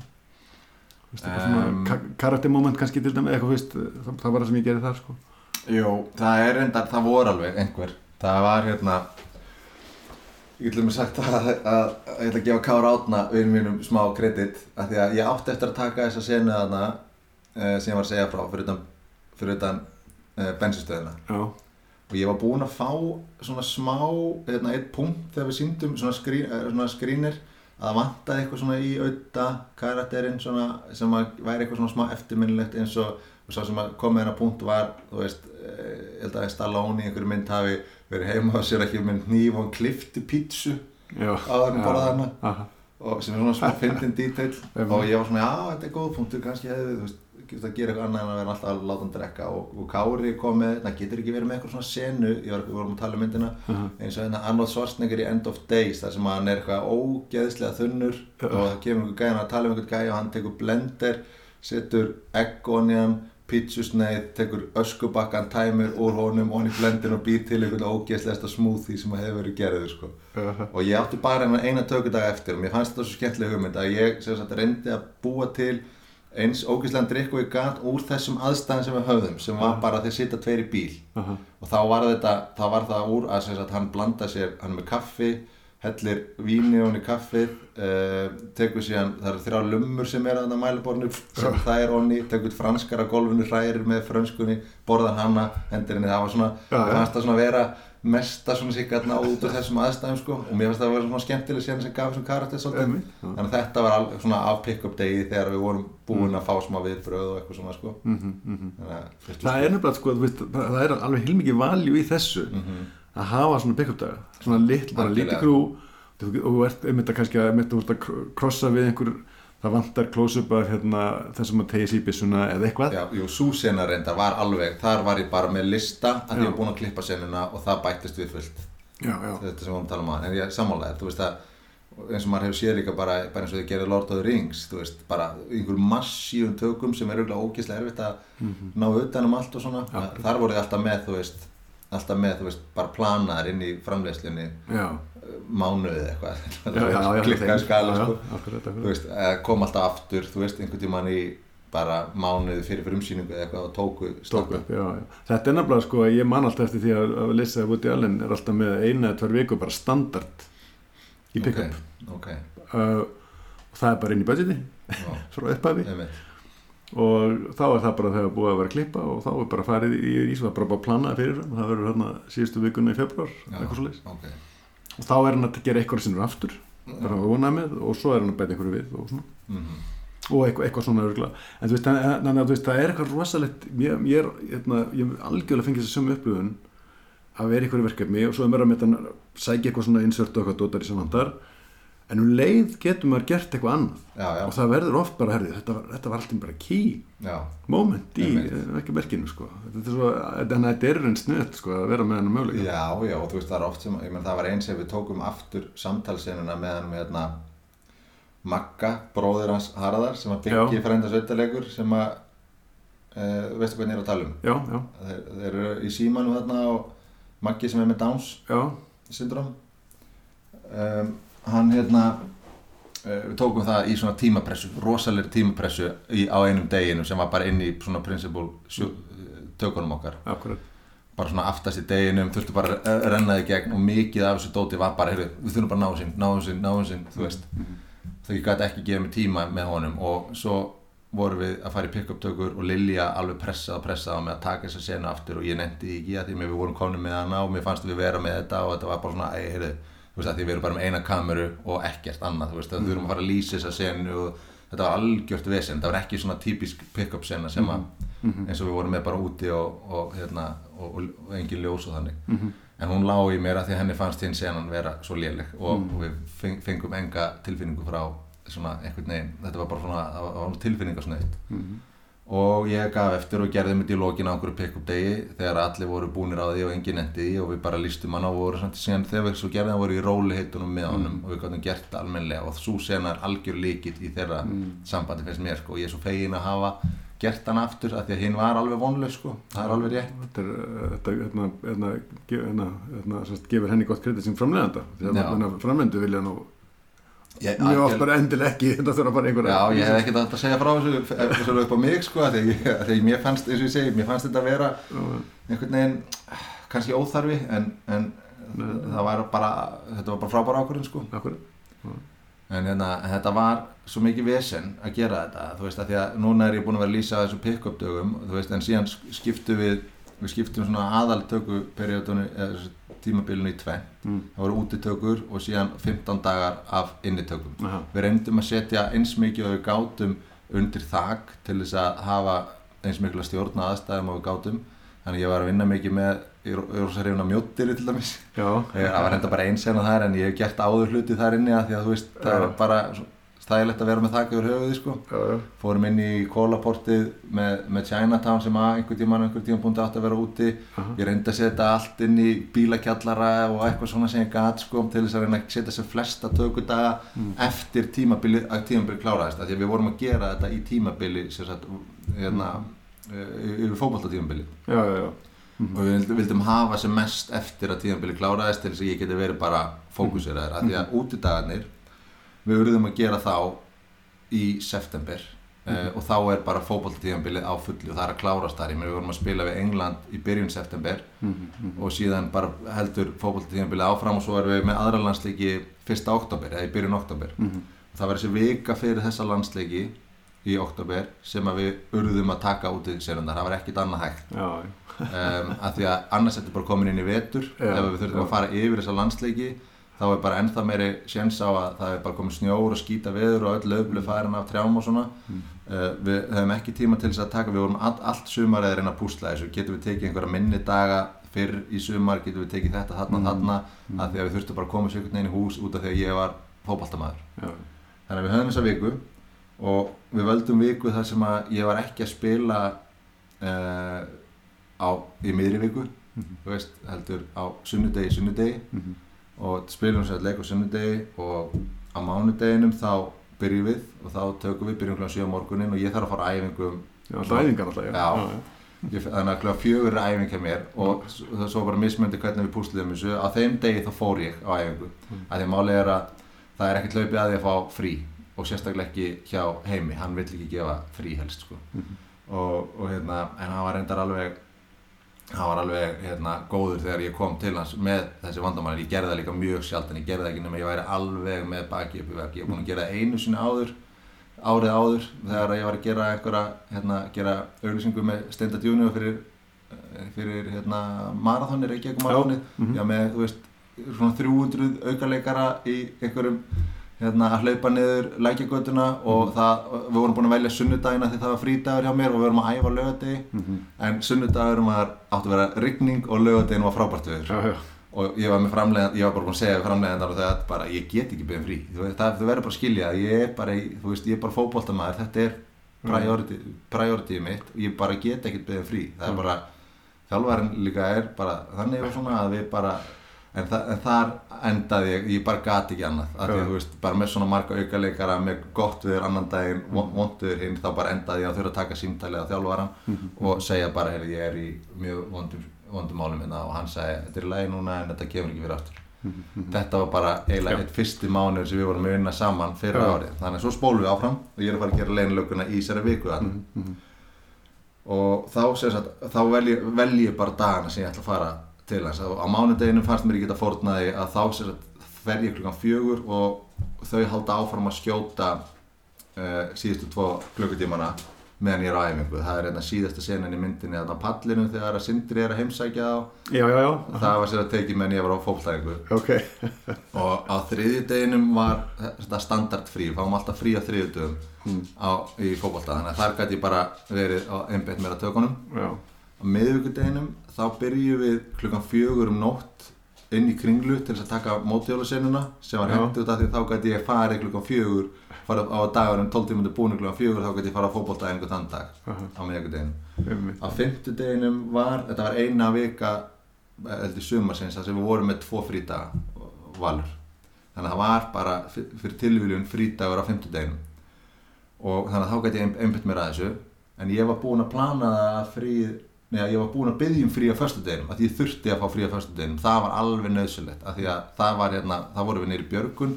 Það var eini dagur sem vorum bjöllin með, sagt, í exterior tökunum. Já, já, já, en við þurfum að taka allt með bytnilinni hann var að skjóta ófæri þrjú á sama tíma. Mm. við þurfum að gera allt með bytnilinni á þessum degi. Þannig að það var, þú veist Mexican stand-offið, hérna, törnin slagsmáli milli Ötta og hans á, á bátnum. Uh, ég held slagsmáli milli Egils og Vivian og svo loka senan þar sem að þeir eru þarna með löggubílana og þú veist allt sem gerist þarna í lokin. Aha. þessu svona closure í myndinni. Þetta var bara svona alveg mega mega pakkaða dagur. Ég var það frí, ég var búinn að byggja um frí á þeim föstu degi já, en svo hérna, færðan fríð eitthvað. Þannig að sér, 50 dagar enda að vera frí og ég fekk förstu daginn líka. Eh, þannig að ég náði þarna alveg þrejum dögum sem er bara unheard of þarna í val sko, ég var bara þrjá, fekk þryggja daga frí inn í þessari viku eh, og ég vissi alveg að þetta væri ekki neð sérstaklega vinsalt en ef að svo lengi sem við myndum vinna þessa leiki, sikkur með við, sunnudegi, sunnudegi þá myndi ekki spyrja hennar spurninga og þá væri þetta allt í leið það gerist við unnu leikin og við erum íslasmeistarar og allt það þannig að þetta var allt í góð Já. Já, svo glemdi ég að segja að á laugardeginum eftir þetta Mm. þá var bara æfing 11.15 eins og annarlega já, þá tókum við bílaheltingaleikin og við byrjum kl. 7 á morgunin aha. Tókum þessi rönn, vorum með svona bara æfða hérna rútínu bara frá, Já, það og Já, já, já. frá sæbrautinni og niður í Garðabæ. Við tókum alltaf bara sama Mhm. hérna, rönni niður yfir og bara á sömu kjúum og svona. Uh, og byrjuðum og, og, þú veist, og svo, ég var, svo ég, var, ég var oft í svo, svo mikið milli steins og sleggju æfingi byrjaði kortir yfir 11 Já. og ég var búinn að fá þessi þrjú frí í þessari viku, eða að eitt auka frí. Og svo er ég uh, svo er klukkan hálfelli, ég vissi að það myndi taka 20 minn, það tók alltaf 20 minn hvert rönn og svo bara te tefst eitthvað aðeins að komast að stað. Já. og ég er, þú veist, bara aftur í skotti eða Já. aftur í þarna með mónitorinn eins og ég var alltaf. Og við erum bara, það er allt reddi í að fara í nýtt rönn og við erum nýri Pegasus og klukkan er hálfellu og ég er bara ég veit ég er að fara að koma seint sko. Ég er bara, oh my god. Er það, ok, gerum þetta. Förum á stað. Og svo förum við á stað. Og ég var, var búinn að tala við Begga frængu mína sem að var að vinna aðstofar hérna, aðstofa okkur hérna eða var að vinna í krúinu að vera bara reddi á bíl. Þannig að þegar við stoppum á bensinstöðin þannig í Garðabænum þá hoppa ég yfir til hennar og bara beint Bara í að- gallann? Já, bara Já, já. og, hérna, og ég legg á stað, ég vissi þetta að vera suicide mission, ég vissi að þetta væri að fara að fokast upp. En ég varð að gera þetta því að Sveppi var á leiðin í, í leikhús, ég var að fara að missa hann. Þetta var eina rönni sem við höfðum til að taka þetta. Þannig að það var bara fuck it, let's go. Förum og klukkan er hún er svona 5 mínútur í 11 þegar við stoppum á bensinstöðunni í Garðabænum. Og ég hopp upp í til Beggu og það er, það er ég á ekki að segja frá því en ég, við brutum öll umfærulög sem hægt er að brjóta á leiðinu tilbaka ég mátti ekki koma og senda á þessa æfingu sko. það, er bara, það hefði haft alvarlegar afleiðingar sko. og, og hérna við brunuðum þannig yfir og yfir bara veist, eiginlega skrönsuðum sko, það var hvað ískrað í dekkjana þegar vorum að beigja þarna tausu sinnum. Svo er ég komin á nýra hlýðarenda kannski svona 11.07 eða eitthvað. Æfingi byrjaði kortir yfir bruna inn í gallan. Ég er reyndar er sko Íslandsmeistari í því að fara hratt í föt sko. Ég er alltaf kemin á síðustu stundu og er komin í gallan alltaf bara á tvei myndu setna þannig að ég kem inn kannski svona sjö myndu fyrir æfingu komin í gallan svona þrei myndum setna og var fyrstur út á höll Já. það, var, það var og bara eins og ekkert hefði skori sko en þú veist þetta Alveg er- fókuseraður já já reyndar er ég góður í því. Þegar að ég kem á völlin á æfingu þá er ég góður í því að vera bara þar og þú veist í leikjum og allt þetta. Þetta hefur aldrei vandamál sko. bara svo lengi sem ég næ myndefnin í hús og næ að klára það og eitthvað og það, ef ég mættur það er ég mættur. Um, og, og en, þú veist það var líka mér finnst það svolítið kúla sko, eftir allt þetta þú veist, það, það veist ekki hvað er ég mættur fyrstur út eins og ég allir, hinn áttu bara rólegan morgun og borðuðu hafragröndi sinn og fóru hérna Já, akkurat, og, og þú veist og, e- eins og ekkert hefði í skorist sko, Já. en ég var svona nálægt í einu rauðu ljósi með eitthvað frá því að koma of seint. Já. og þú veist, og menn töluðu um það inn í klefa þarna bara, sko, hefur komið of seint? Hefur ekki mætt á þessa eða eitthvað? Þú veist, svo, svo hristuðu bara hausinn sko, þú veist, þetta var, þetta eins og ég segi, þetta hefði haft þetta var alveg svona að því ég fekk frí í daginn áður, Já, já, já. þá var þetta þetta hefði fyllt einhvern mæli, sko og svo heldur þið áfram eftir aðinguna hvað er skjóta Já, svo ég kláraði æfinguna og þá þeir tókur bara lönns og eitthvað með hann og skuti eitthvað smá og svo fór ég áfram niðurittir og við tókum Já. alveg fram á kvöld og kláriði með hann bíleltingileik á einu Já. degi. Ég ætla að spyrja, fyrst um að tala um bílætikaleikin hérna, þú ert með, þú þurfir að skjóta hann af Rauðsson Armið, ekki? Eða eitthvað- eitthvað slíku. Já, já, ég, ég veit ekki alveg hvað þetta heitir, þetta er á, hérna, þetta er á, þetta var bíl, hérna, svona messages bíl, Mhm. síðan var hann á svona stöng sem fyrir upp og niður, Emitt er það rauðsjönar? Já, ég kalla alltaf veist, þetta er svona, þú ert með svona, þetta rigg, sko Já. Ég veit ekki, og svona, en sko er, hérna, já, þetta, ég, ég fannst, sko, ok, þetta er kannski partur af stærri spurningu Mm. út af því að út frá budgeti, tíma reyndar líka út frá bara horfandi, horta á hérna, ölsingar frá þér og allt mögulegt sko maður fara alveg, alveg öskrar á mann að þú hlýtur að storyboarda greiðlega mikið allavega mm. undirbögg, sérstaklega svona actionsennur Já. alveg nýr í rasa, Ég- það, er mín upplifun Já, ég, já, já, ég er búin að undirbúa mig mjög vel, mm. en ég er ekki búin að storyboard, ég er ekki búin að teikna, Næ, ok ég er búin að klippa þetta allt fyrirfram, ég er búin að sérst, fara á staðinn mm. eins og í þessu tilfelli þá tók ég upp allan díalóg með og sveppa bara kjörrir á bílastæði, við vorum að taka þessa senu og leikana og ég er búin að skjóta hana frá öllum sjónarhóttum bara með síman mínum Mm. og síðan var ég búin að keira þessa leið með uh, mótihjóli, bara frendi mig kom á mótihjóli, ég var á bíl með bílstjóra og ég var með síman minn Mhm. og ég skaut alla senuna fyrirfram Mm. Mm. uh, og kliftana og notaði síðan stundum eh, veist, moment úr einhverjum bíómyndum eða mér vantaði eitthvað aksjónat eða veist, fú, mælir að hérna, þú veist, eða close-up af gýrstöng eða eitthvað svona skilur Akkurat, þannig ég á senuna alveg frekar líka veist, eh, því sem að endaði á að vera uh, bara, bara síma dót og eitthvað veist, og ég fór þessa leið alveg oft og mörgu sinum á hérna, ramas mm. laupahjólinu mínu og eitthvað svona þannig að þetta er alveg rétt hjá sko, til þess að til þess að ná að krista meira út úr budgetinu þínu heldur þú ert með sem að ég myndi segja ég væri ágættur í þá þarf maður að vera ég held að hjálpi mjög mikið að vera klippari í því. Já, og að því að þá veit maður hvað maður þarf. Mhm. og, og að vera búin að veist, mér líður alltaf miklu betur þegar ég er búin að klippa senundar mér fyrir hann ég tók svona líkilsenur Mhm. og skautar á síma og klippti þær og svona til þess að ég hefði tilfinningu fyrir tempónu og hvað mér vantaði og hvort það vantaði eitthvað inn einhver staðar svona. Mhm, mhm. Og það var alveg, þú veist, ég voru orðin svolítið þreyttir á því strákunir en ég var, þú veist, alltaf að fá það á tökustæðin og skjóta senundar svona cirka bóta eins og ég vildi hafa þær. Mhm.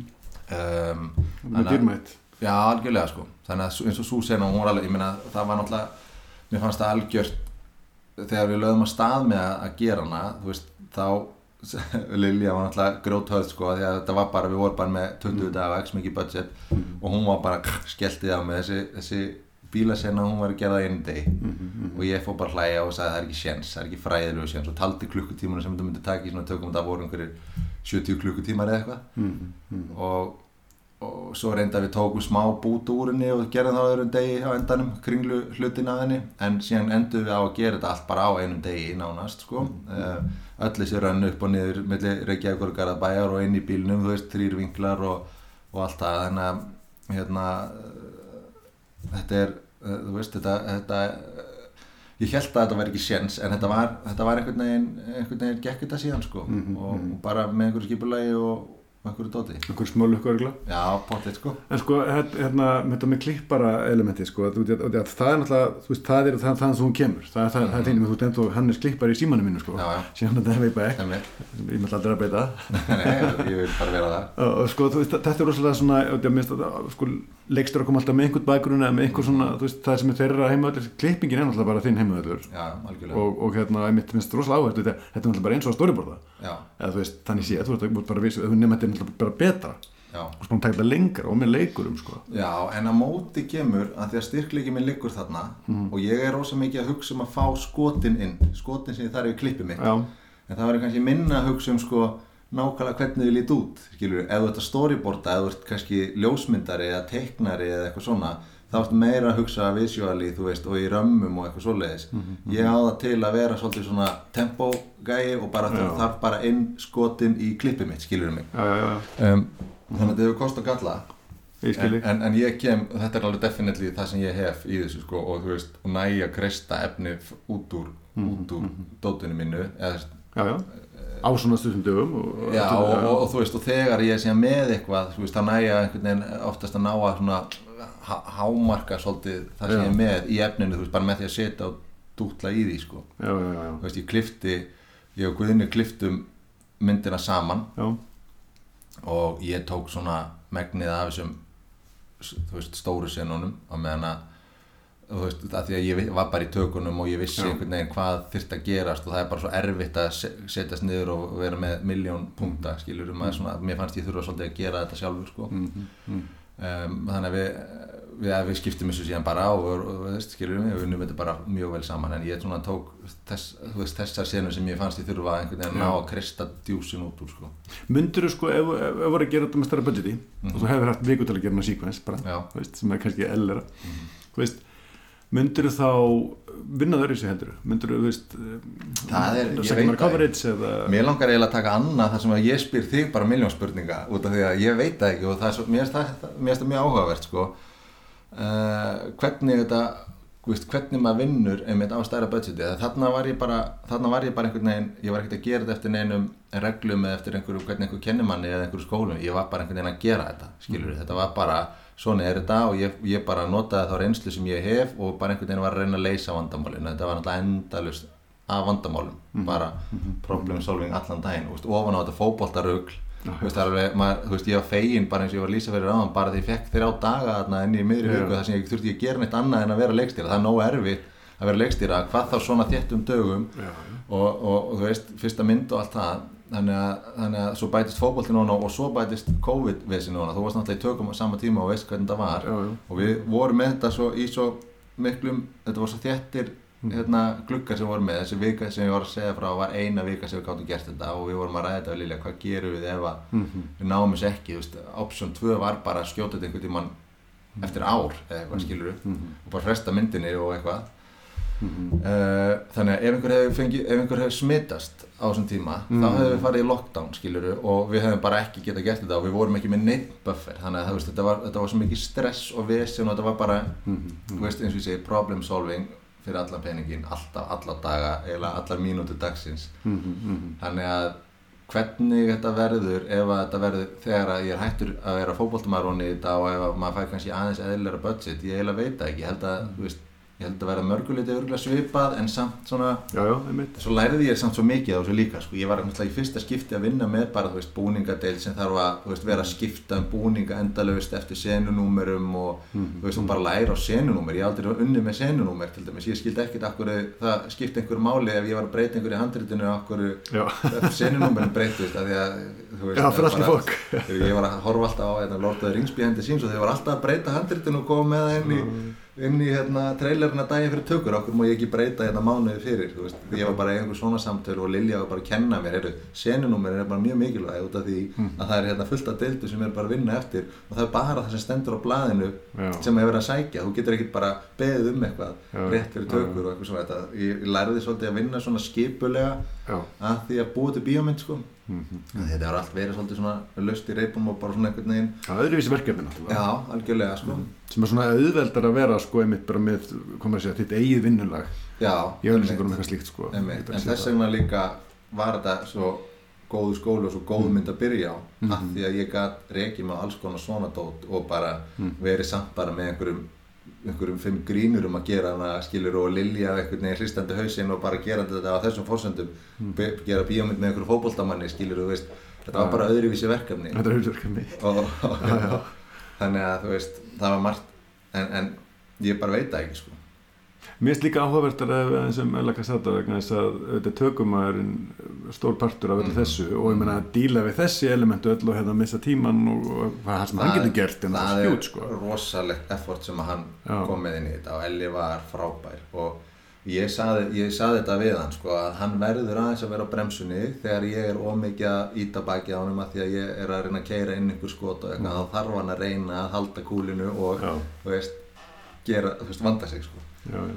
það er svona þess framlendan í þér kannski sem er þá líka í Bæði, já, ég er alveg framleiðslu, svona, ég er mjög meðvirkur með framleiðandanum Já.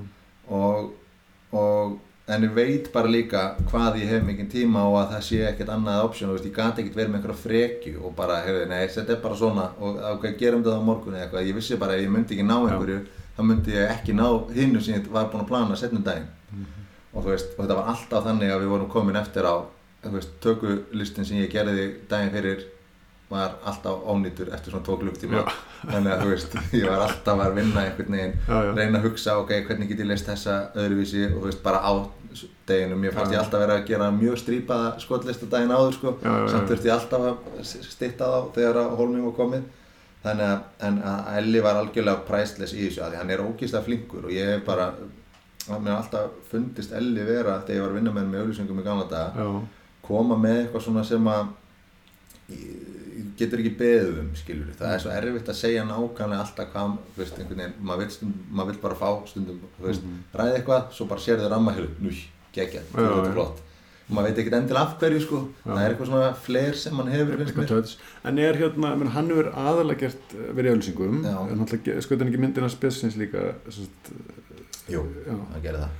Sko ég, er sagt þannig að hann kemur alltaf með um, sagt, maður að segja sagt, alla, alla, þárið sem farir á auðlýsingum sem er samt líka eins önnur heldur en narratív reynsla sko. Mhm. það er svolítið áhugavert sko. já, já en sko, já, en, en alltaf veitir þessi mynd sko, hún er náttúrulega þið erum að láta allt líta betur út heldur en þau eru nefna á þannig að hún er, hún er meiri hérna, auðlýsingamynd þannig séð að hún er, hún er öll í þú veist, þú erum notað allan öll, öll Mhm. trikkin me- meiga þessari mynd slow motionið og allt þetta algjörlega hann sko, það, það allt alveg alveg góður að en svo, svo komu alveg það komu dagar þar sem hann var alveg að springa úr Mm. pyrringi út af því að hann gat bara ekki, þú veist, út af því að þetta var svo hratt og Mhm. þú veist, það var kannski, hann varð bara ít á rekk þó svo að það væri einhver allt önnu sól í, í hérna, atriðinu heldur að var rétt áður eða það var bara byrtan var að keirast niður og, og þú veist, það var bara orðið svart í lokinu á atriðinu þegar það var eiginlega bjart þegar atriðið byrjaði og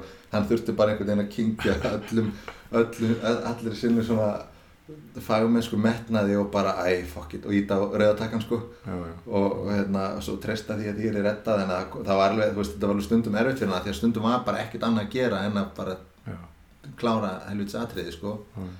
en, en hann reyndi eins og hann gat að vera, þú veist, þegar, og svo, þú veist, þegar við fengum þessa örfáskipti sem fengum einhver tíma eins og í hérna loka sjódáninu þegar þeir eru, það er svona byssubardagi þarna í vesmiðinu í lokin. Sem við fengum einn dag í það að gera það þá fekk hann að njóta sig, þú veist, þá bara alveg kveikna á tökumannum mínum og hann var að setja ljós upp á milli rimlana og kveik, þú veist, fullt af einhver svona 90s elementum og með reik og svona, maður sá alveg hvað hann fannst gaman að loksins Já. geta verið inn í lokuð rými fengi heilan dag til að gera aðeins að nostra við ljósin, ekki sem mikið hann hefði vilja hann hefði vilja mæta þann daginn áður og Já. prílýsa allt og eitthvað svona sko. Já, já. en, en hann fekk þó allavega svona 2-3 tíma til þess að, þú veist, og þá bara þú veist, að þetta, En hann er líka framlegandi eða er hann, eða kannski titla framlegandi hann er, já, jú, hann er tillaður og hann, á, hann, er, hann er náttúrulega hættur að skjóta sko. já, hann, er, sko bara alveg- að reyka Pegasus. Ok, já, og þetta var, það var mikið talað um það sem er mjög mjög action movie legt að hann var rifinn fram fyrir one last job. Hann var, he came out of retirement fyrir, þetta, fyrir þessa mynd sko. aha, aha. Og hérna var ég og, þú veist, svo veit ég ekki hvað hvort þetta hefði Kveikt í honum. Kveikt í honum hann vilja halda áfram að það verður að koma í ljós sko, en, en, en ég veit að hann hefur, hann hefur gaman að þessu en svo er þetta náttúrulega bara við vorum að ræða þetta við Lilja um daginn sko, hvort að hann eh, ætla að gera aðra Já, já, aðra mynd og, og, hérna, og hún var svona eitthvað hristi hausinn eitthvað svona brosandi yfir því og, og svona, þú veist, það getur vel verið því lengra sér líður frá þessu því, því lengra gleymur við vesinu og mannst bara að góða sko. Það, Já, getur, já. það er nú svona svolítið þannig sem meina- þetta virkar að fjarlæðingir er alltaf fyrir upp, sko uppskeran er það sem mannst Já, algjörlega sko. Eins og þú ferði, til útlanda þú mannst ekkert eftir leiðilegu mómentum á flugullunum og öllu vesininu og allir kjartaðinu sem þið fylgji og mannst bara eftir einu og einu móment á ströndinni og er svona veist, góðu hlutinni sko. Já. ég hugsa að þetta sé þannig öll hann er auðvitað búin að gleyma vesin og auðvitað til í næsta. En þú er unni með fullt af tökumunum náttúrulega gegn völskannar og ég meina, hérna, eins og þú veist bara það koma að þessu eða bara gera mynd, ég meina hvernig hérna, þú veist, þú veist að velja tökumann og ég, kannski kom það, ég veit ekki hvern- hvernig kom það til með Ella Já, það var, það var rauninni bara sjálfvalið sko, út af því að hann var bara alltaf með í þessu frá Já. byrjun, ég meina veist, við vorum að ræða þetta fyrir mörgum árum áður og, og hérna uh, og síðan kemur Pegasus inn í þetta sem framlegandi og Elli er tökumæður og það er einhvern veginn, og við hefum unnið oft saman og þekkjust vel og, og það, það var bara svona einhvern veginn átó, að það var ekkert það var engin prósess þar sko Nei, en, en þú veist það er já, já, þannig að það var bara í rauninni þannig sko. en ég meni já, eins og þú segir, ég þekki fullt af tökumönnum og það er bara er allir gangur á því hvernig, Mhm. hvernig þeir enda einhvern veginn í, í verkefnum sko. já, já. en ég meina eins og, eins og líka með- tölum við um þetta klippinguna sko, en sérðu fyrir þér bara í næsta svona stóra verkefni sem er Mhm. annað sem verður bíó og sjónvarpa hvað það er þú sérðu fyrir þér til dæmis að vilja vinna maður að segja, sleppa meira af með klippinguna eða er það bara, það er bara partur af þér Ég veit Og- ekki, sko. já, Ég veit hvernig hugsaður þetta?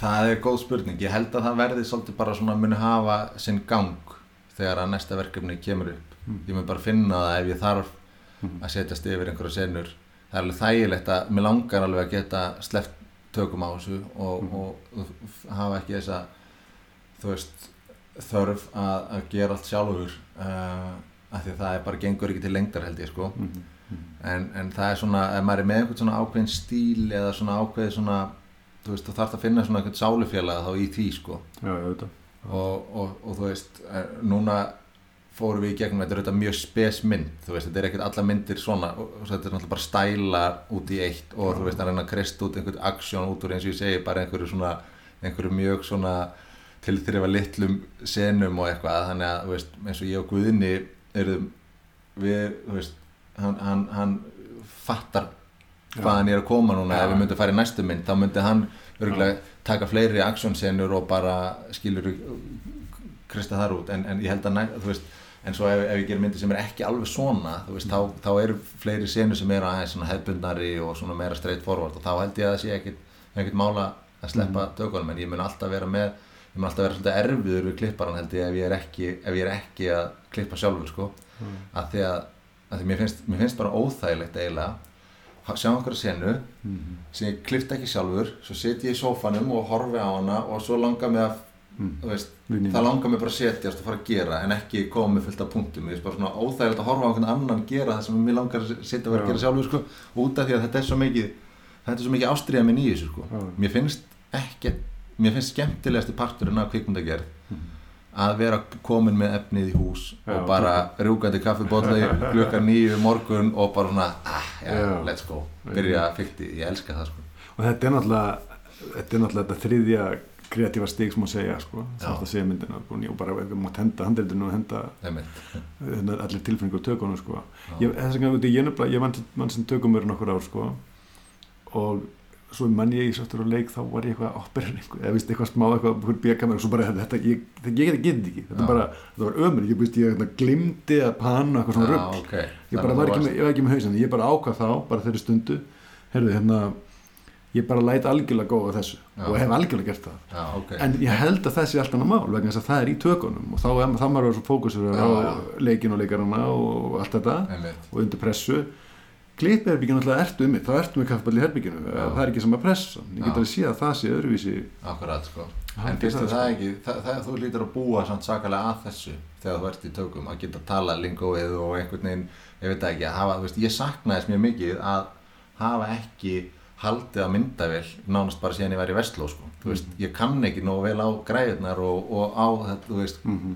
hvernig linsu virka og svona, svo ég bara expósi mig þetta, sko, uh. þú veist, ef maður bara svona segir hlutinni sem þeir eru, þú veist, þá, þá svona ég væri alveg til að hafa meiri grunn, tökumanns grunn en uh. ég hef í staðin klippinguna uh. þú veist, menn hafa mismunandi eins og segir en þetta þýttur að vera, þú veist hjálpa samt Já, þetta, þetta, þetta er svona minnheimöðlur Veist, erna, semur eru mentar leikarar og, og, og þá er það þeirra heimuð allur sko mm -hmm. vinna með leikurum og skilja hvernig það virkar allt og þetta er svona að fólk kemur á ólíkum áttum Ok, en maður þá spyrja þig einu að því að eins og ég upplýði svolítið tökurna núna en það getur verið að það hefur verið að það var svo ógæslega það var svo stressandi og erfiðar og þéttar mm -hmm. að um, núna bara er maður svona sem kvikmynda áhuga maður situr og horfur á bíómyndir og maður er að spá í einhverju þú veist, það er einhver rosa flott skot sem að er búið að leggja mikið í eða eitthvað og það, veist, það er líka samanskapið auðvöld að sitja einhvern veginn í sófanum og, og gagri, neða maður er kannski gert þetta svona, maður er kannski eitthvað svona mm -hmm. þú veist, svo finnst mér bara alltaf upplýðunum mín að fara í tökur á þessu mm -hmm. það er bara ekkert svigum ég sé þetta bara svo allt í allt öru ljósi mér finnst þetta bara að vera snúast bara um ná þessu inn og mm -hmm. veist, þetta verður bara eitthvað svona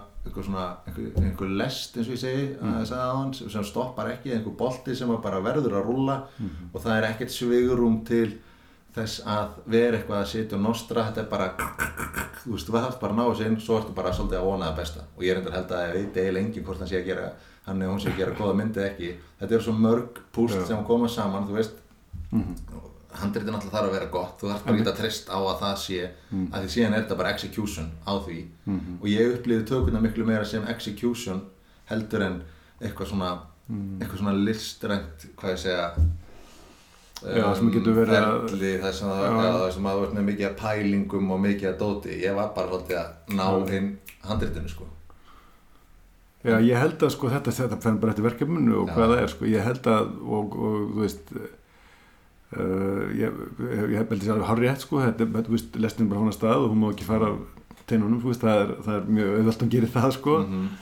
en það er, ég menna ég hérna, og það er sko í, í þessari mynd þarna sem þú varst að gera, ja. þá varst þú líka bara executor að þú varst búin að undirbúða þig vel þú varst komið með hérna, ja. þína verðsjónastóri búin að klippa og allt og nú er þú bara að sækja ja. þú veist, hérna ég hef unni í verkefni þar sem að ég var bara með ekki tilbúin handrið eða þú veist, komið mm. bara með sent og illa og þá þurfti ég að uh, í raunin alltaf bara hver veist, og, og, og sko það var, það var bara sest, allir vissu þetta framöndinir og allir þannig að veist, það var í rauninu bara gefið smá svigurum mm. þú þarf bara byrjun dagsins og ég er kvöldi ári var ég alltaf bara sveittur að reyna að fara í gegnum okay. senum daginn eftir sem ég hafði ekkert getað setið með að undirbálmennilega rétt búin að nýfa á það kannski mm -hmm. og þá veist, er sveirum í byrjun dagsins til þess að labba í gegnum það en það er hins vegar ekkit, það er alls ekkit betra þá ertu að að finna það frá grunni sem að- þú vilt vera að gera bara einn já, og kann, kannski með tökum hann svo aftur eitthvað svoleiðis Mhm. og þetta er allt svona þróast og mótast og svo verður þetta einhver tökulisti og svo breytur honum og, og gerir þetta almennilega en þannig að maður bara að vinna þessa grunnvinnu bara á staðinum sko. Mhm. Já, já. Og, og með, þú veist, risa, risa krú í Mhm. kring, það er bara veist, það er ekkert minni pressa, sko nei, bara að það er svona bara öðruvísi. ég hef einhvers stað lesið einhverju verið að tala um einhvern svona sinn prósess og að- við komandi vildi ekkert sjá neina skotlista en eitt vildi bara fara á staðinn og gera þetta organist og eitthvað sem að ég gæti ekki tengt minna við alltaf eftir þessa mynd sko. Af því það var ekkert annað í stöðun en að vita nákvæmlega hvað, hvað allar að gera og hvaða skot kemur næst og allt þetta sko. Já. en þannig að ég var allavega á eftir að upplifa eitthvað svona, eitthvað svona ferli eins og þú ert að lýsa aðeins meira lús, aðeins meira svona en þetta hefur örugglega einhverja kosti samt. Já, þetta er, þetta er mjög kreatíft sko og, og getur verið svo gefandi. Og það er rosa hérna og ég hefur raun og verið breytt hvernig ég vinn sko gegnum tíðina. Bara fæði bara, var, veistu, komum kvönguna á mig þá stóribróta eða eiginlega alltaf allt sko. Og ég sattur að leik var, veist, eh, var rosa mikið undirbúin og ég hef búin að svo lengi með hana í maganum sko. Mhm. en ég var, veist, nánast hvernig þetta sena var svona, ég var búin að vissi hvað ég var, að fara að sækja, svo veist maður að bregðast við eins og, eins og það ekki, en svo svona, smá, svona meira og meira hef ég kunna, fara að kunna meta að sko vera opinn fyrir X-faktornum sko. Mm, þannig að þú veist en þannig að svona ideal situation þá bara undirbúið mér sem mjög vel og gerir mitt hvort með storyboarda skotlista og er svona komið plan. Og svo innan þess getur maður raun og alveg hendi sko. já, það er best. Og, en líka þá haft uh, smá tíma til þess að taka þá ákvörðun sko. já, já, en, en, en svona hafa eitthvað til að byggja. Og ég veit, ég veit hvað maður byrja við, við þurfum alltaf þetta, þurfum alltaf þetta. Þetta er tótnin í senunni. Svo horfum maður leikann að gera hana og bara kemur eitthvað annað. Þú þannig að þetta er svona ídýr þetta, þetta, þetta sannlega kallar á meiri tíma þú hafðir. Já, og það læti meiri penning ég meina, ég, ég, þarna, eins og þetta lýsir svo sko, þú veist, mér þetta að vera þetta minnir mig og einmisliti í svartur og leik, svona alltaf mín fyrsta mynd. En það er, það samt meira ekstrímur að sko, já, og mér finnst þetta í raun og sko, bara hérna mér finnst mjög mikið afreg og í þess vegna verð ég þetta að spyrja þetta stöða stóribóta það, út af því að sko þið voru að ná eins og miklu efni með að þessi skilir þetta, sko, mhm, fyrir utan fótboltan ég hef ekki, gert mig, grein fyrir þessu að fara á æfingu á miðjum degi eða eitthvað, sko, já, já.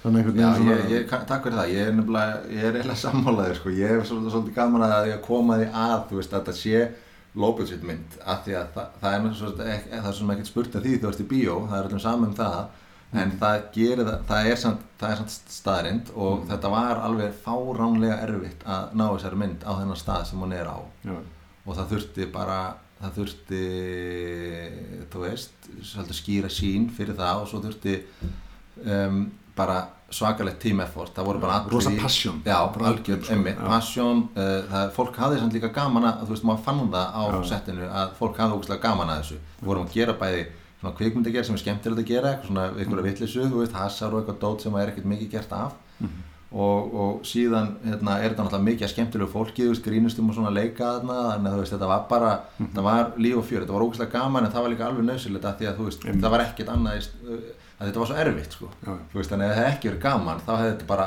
það allt farið í steik Já. en, en hérna, þetta var mjög skemmtilegt erfitt en skemmtilegt og það var bara passionið í þessu, þú veist, bara frá öllum skiluru, krúi og bara leikurum og fyrir fram og aftur myndavél og allir bara sem að, sem að kerði þetta áfram og gerði þetta verkum, að við gátum þetta en það var ekkert hlaupið að því, sko Ég, ég, ég heyrði leikara tala um sko, veist, tölum að, sest, að þú hefur sko, í raun og veru undir mikilvægt fagmenn sko.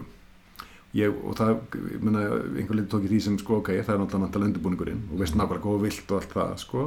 en það er líka vantanlega eitthvað að gera með hvernig þú ert að díla við leikara því að þú, þú, þú ert actually að gera senuna Já, já, þú ert ekki ánægð með hana ok, Já. þá, þá, þá þarftu space mm já, rétt. Þú veist, það er ekki bara, Já, já. ekki bara mokstur. Nei, nei, rétt, þetta er ekkert bara aksjónsenur heldur, þú veist, senur, sumidagarnir voru bara leikur, veist. Og, og, og það er bara gaman að heyra það að einhverju sé að tala einhverju sé að tala fallega um mig því að ég er náttúrulega bara vandaði mig og maður sko veist, þetta er engin, ég held að sé, það hafa allir sín sí- svona einhvern veginn sín vinnubröð hvað þetta varðar, ég hefði líka verið þú veist að þú talar um, um bakurinn það er auðvitað ekki verra til dæmis eins og bara balti að, að hafa verið leikari og vita hvernig það er að, að vera hinni með yfir linsuna og vita bara þú veist upplifa það að einhvern veginn veit ekki hvað rammin er og mm. skilur mig vera bara exposed að einhvern veginn ná þessu fram hinni með við, þú veist, ég hef aldrei upplifað það. Þannig að ég þú veist, reynir bara að vinna með veist, bara líka vera heiðalegu með þetta og bara vinna þannig með fólki og leikurum að maður svona, þú veist, sé með þeim í liði og sé, þú veist, ekki einhvern veginn einhver erfiður hérna boss eða eitthvað heldur bara svona, heyrðu, við erum að gera þetta saman hérna og þú veist, þú mátt alveg segja mér til líka og þú veist, hver- hver- hvernig finnst þið best að gera þetta og allt þetta, sko einmitt. en svo verður maður auðvitað að vera bara þú veist, svo hefur maður ekkert rosalega tíma heldur í, í, í tökunum að maður þarf svolítið að vera svo, þú veist, skýr með það hvað, Mhm. hvað virkar og hvað ekki og hafa gott touch fyrir því held ég sko einmitt Nei, ég menna hérna, það, það, þetta með, með leikarinn, ég, sko, mitt sem tökum er þá vann ég einhver skipti með mitt einhver sem voru leikarar. já, Ég lærið svaka mikið af því, sko. Já. Bara að horfa á hvernig þeir, sko, einhvers konar confidence í því að vera líka bara hömbul við leikarana. Og það, veist, bara að segja með, já, veist, og hérna, ég held að, held að, veist, allt þetta, sko. mm Mér varst það svo áhugavert, sko. já, en hérna og til leikarinn alltaf veist, þeir vilja hafa confidence sko á le le leikstjóran þeir vilja að geta treyst um til að segja hér þetta er komið allt það Mhm. sko sem alltaf kemur alltaf einhver leiti þegar einhver hefur gert mjög mikið þá er það bara þú veist það er það kannski komið.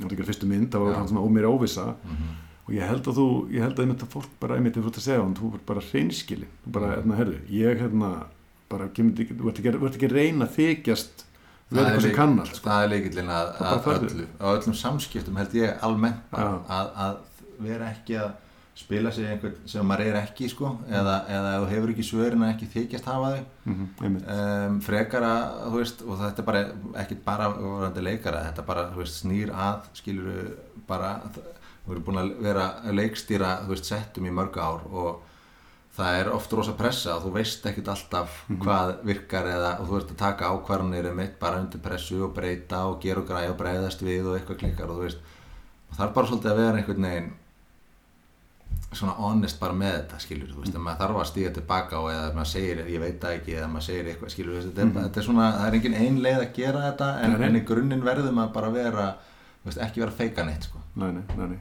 Þá er það bara að skjóta í fótinn ég held að Mér finnst þetta hérna á kvóti hérna, held, það er, ég minna sér Spielberg sko, ég er náttúrulega á að tala um þetta held ég hérna, sem að sko sagði, þú veist, hérna uh,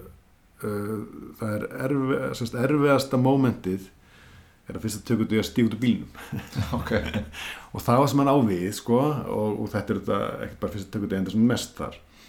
Það er að þá bara færði við spurningaflóðið spurningar sem þú veist ekki spurning við en sko, málið er, svo, svo þarftu ákveðir confidence til þess að díla rétt við þessar aðstæður og að Mm. það eða þú veist ekki eitthvað eða þú veist, maður þarf svona maður þarf að líða vel í einn skinni einhvern veginn í þessu djópi sko. Þannig að að það er svo oft sem að maður er óurugur og maður, maður, verður, maður veit ekki alveg hva, í hvort fótum maður á að stíga og maður veit ekki alveg hvað virkar og maður þetta er svona lifandi prósess sem að þú veist og í rauninni veist ekki hvað, hvað er þess að væri segja þannig ég held að vitingin alveg hvort að uh, hann eða hún sé að gera góða bíómynd sko fyrir en að einhvern veginn allt kemur saman og þú sérði það, þú veist, þetta er svo mörg púsl þetta er svo margt að koma saman að þú bara veist ekki, þú veist bara að vona það besta og gera þitt besta og einhvern veginn að reyna þú hefur einhverja tilfinningu og þú veist, reynslu, þú veist, sem kemur síðan og svona. En, en þú veist, þetta er bara svona þetta er bara eitthvað, eitthvað svona flæðandi samvinnu verkefni sem að maður þarf bara einhvern veginn að stýra eins svona confidently en svona eins humble og maður getur sko. Og sennilega sko. Veist, og þegar þú ert óryggur þar, já, þá getur þú alltaf rosa vissinni, sko. Já, það, það þú þarft, það confidence kemur frá alls konar stöðum sko. Mhm.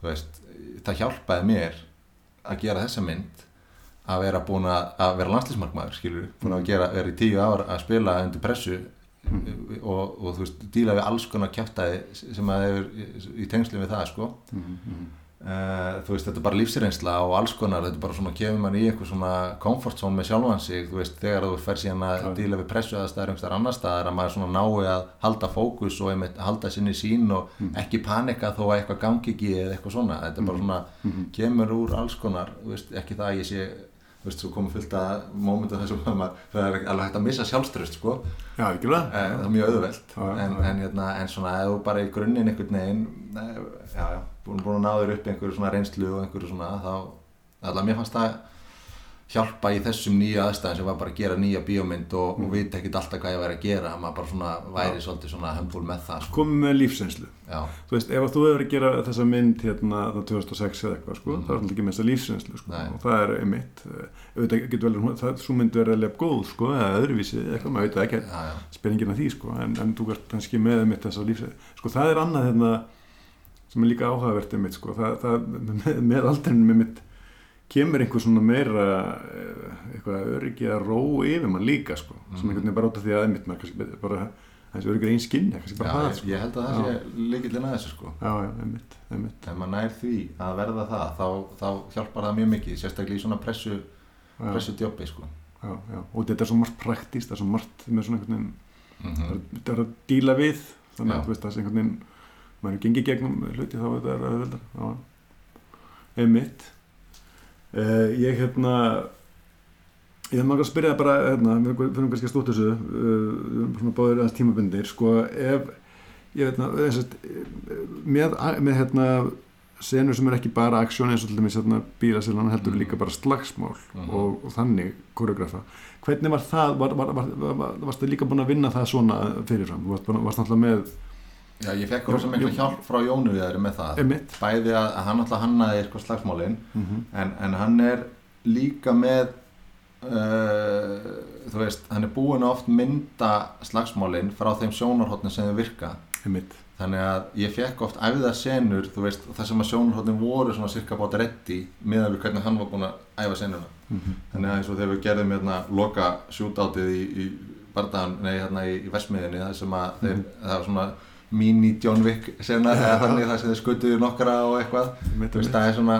hefði við haft það er gott dæmi um, veist, þar hefði ég viljað ha- hafa tíma og penning, þú veist, þá hefði við eitt, fimm dögum í þá senu og drepið svona 40 í staðin fyrir að við gátum gert þetta á hálfum degi og drepið 5 og sena tók 40 sekundur en ekki 5 mínútur eða, eða Já. þrjár eða eitthvað eins og í þessum John Wick myndum og svona. Stúdvölda stöndum samt. Já, já, já, algjörlega, ég meina eins og ég segi, við náðum að gera ótrúlega hluti með tíma og bara svona, einmitt með einhver svona smá rettingum og þú veist, stöndi eins og hann, Jón Viðar kom með hana, ég ekki henda hérna og ég kom með dýnuna mína, já, þetta tekur enga stund ef við gerum þetta, þú veist, það kostar ekkert mikið auka, þú veist, þetta gefur sér sérna helling. Og ég, ég var konar, já, gera það, gera það, ég retti ekki einu svona við Lilju, við bara, mætti bara þarna dýnan og, og þú veist, og þetta, að að henda sér já. fram að þetta var ósla skemmtilegt. Algjörlega. Og hérna uh, en hann allavega í þeirri senu já hana tekna upp á síma Aha. með auðvitað og agli og eitthvað fyrirfram alveg eins um, og það var mikið hannað af honum Jóni Viðari og, það, og þannig að þegar ég og Elli fórum í þá senu Mhm. þá vorum við bara að sækja þá vorum við basically bara að taka rammanum sem vorum búin að ákveða aksjónin sem vorum búin að ákveða með við hvernig senan að vera og bara kveikja ljósum og sækja það sko. þú varst búin að vera með leikurinn sjálfum að gera Já. þetta á locationinu Já. já, það er mjög dýrmætt þetta getur gert það var það bara þá daginn áður eitthvað slíkt eða verða Já, það var bara svona, stuttu- við fengum, fengum einn dag í viku í frí eða veist, ég man ekki hvað þetta voru eh, 20 dagar eða sem sagt já, 15-16 dagar hérna setni inn í hlutina af þessu. Ég held að það hafi verið tveir eða þrýr frí, frídagar inn í þeirri pásu og þá, nei inn í þeim, þeirri hérna, periódu. Og þá fórum við alltaf á einhvern stað þú veist, að, að, að skilur finna út úr Chinatown eða, eða eitthvað, eitthvað svona dót sko, þannig að þá þurfti ég að pína einhverja út og hérna, Mhm. þegar, þegar fólki langaði að vera heima og sér að hlaða batterín þá þurfti ég að mæta í eitthvað svona Já. eitthvað svona æfingasessjón þannig að eins og hérna, skotbardaginn í Sælabankar nei, í, í, hérna, bankanum snemma í myndinni Mhm. við vorum búin að mappa það ég og Auð og Egil með, með hann og Jónu Viðari Jón Viðar fyrir lokabardaginn þarna sem ég var að segja frá þá var Jón Viðar búinn að teikna það upp fyrst með sínu fólki Mhm. og svo mættum við með Agli og, og Auða bara með síma einhver tíman á fyrir degi Mhm. teiknuðu það allt upp með við það Mhm, mhm. og svo var þetta bara gert að- en eitthvað stöndur hún verið að leika er veist eru- eru, þetta var 5-6 manna krú frá Jónu Viðari og hann gaf okkur super deal af því að þú veist, við vorum, við vorum eiginlega að fá hann, á- hann einn á setni stegum sko, og, og svona þegar var nálgast tökur og við vorum að fatta að við, svona, það þyrfti, þetta þurfti að vera almennilegt sko. Og ég var svona alltaf að ringi í Jón Viðar og bara svona, þetta getur þú hjálpað með þetta? Þetta er bara, þú veist, það er ekki budget það er ekki, þetta er ekki svo vanalega en þetta verður að vera í lagi og hún fannst það svo skemmtilegt að hann kom bara inn í þetta hann bara, já, ég skal koma þetta með krúið mitt. Þetta er bara, þú veist, við lítum á þetta sem reynslu og við erum að hérna, búa til smá portfóljó og þú veist, á betri díl en vannalega, ja, veit ekki hvort ég með að segja það ja, alltaf á góðan díl. bara, já, já. Já, já, og, og hérna, við fengum svona smá pakkadíl frá honum og þannig að, þú veist, stöndarnir hans eru drefnir allir svona þrissu sinnum á manni í myndinni, sko. Þess vegna eru grímundar hjálpuðu, sko. Já, já, já, já. en þannig að já, já, þannig að þetta er er að vera þetta Já, þetta er það, já. Við höfðum náttúrulega bara, við höfðum bara eins og þarna einn dag, Mhm. þú veist, sem er þá, þri- þú veist, með lýsingunni á þessu og þetta er ekki smá, þetta er ekki smá sett, sko, þetta er þryggja hæða bygging með alls konar grindum og drasli og þetta er alveg svona draumur fyrir tökumar að vinna í.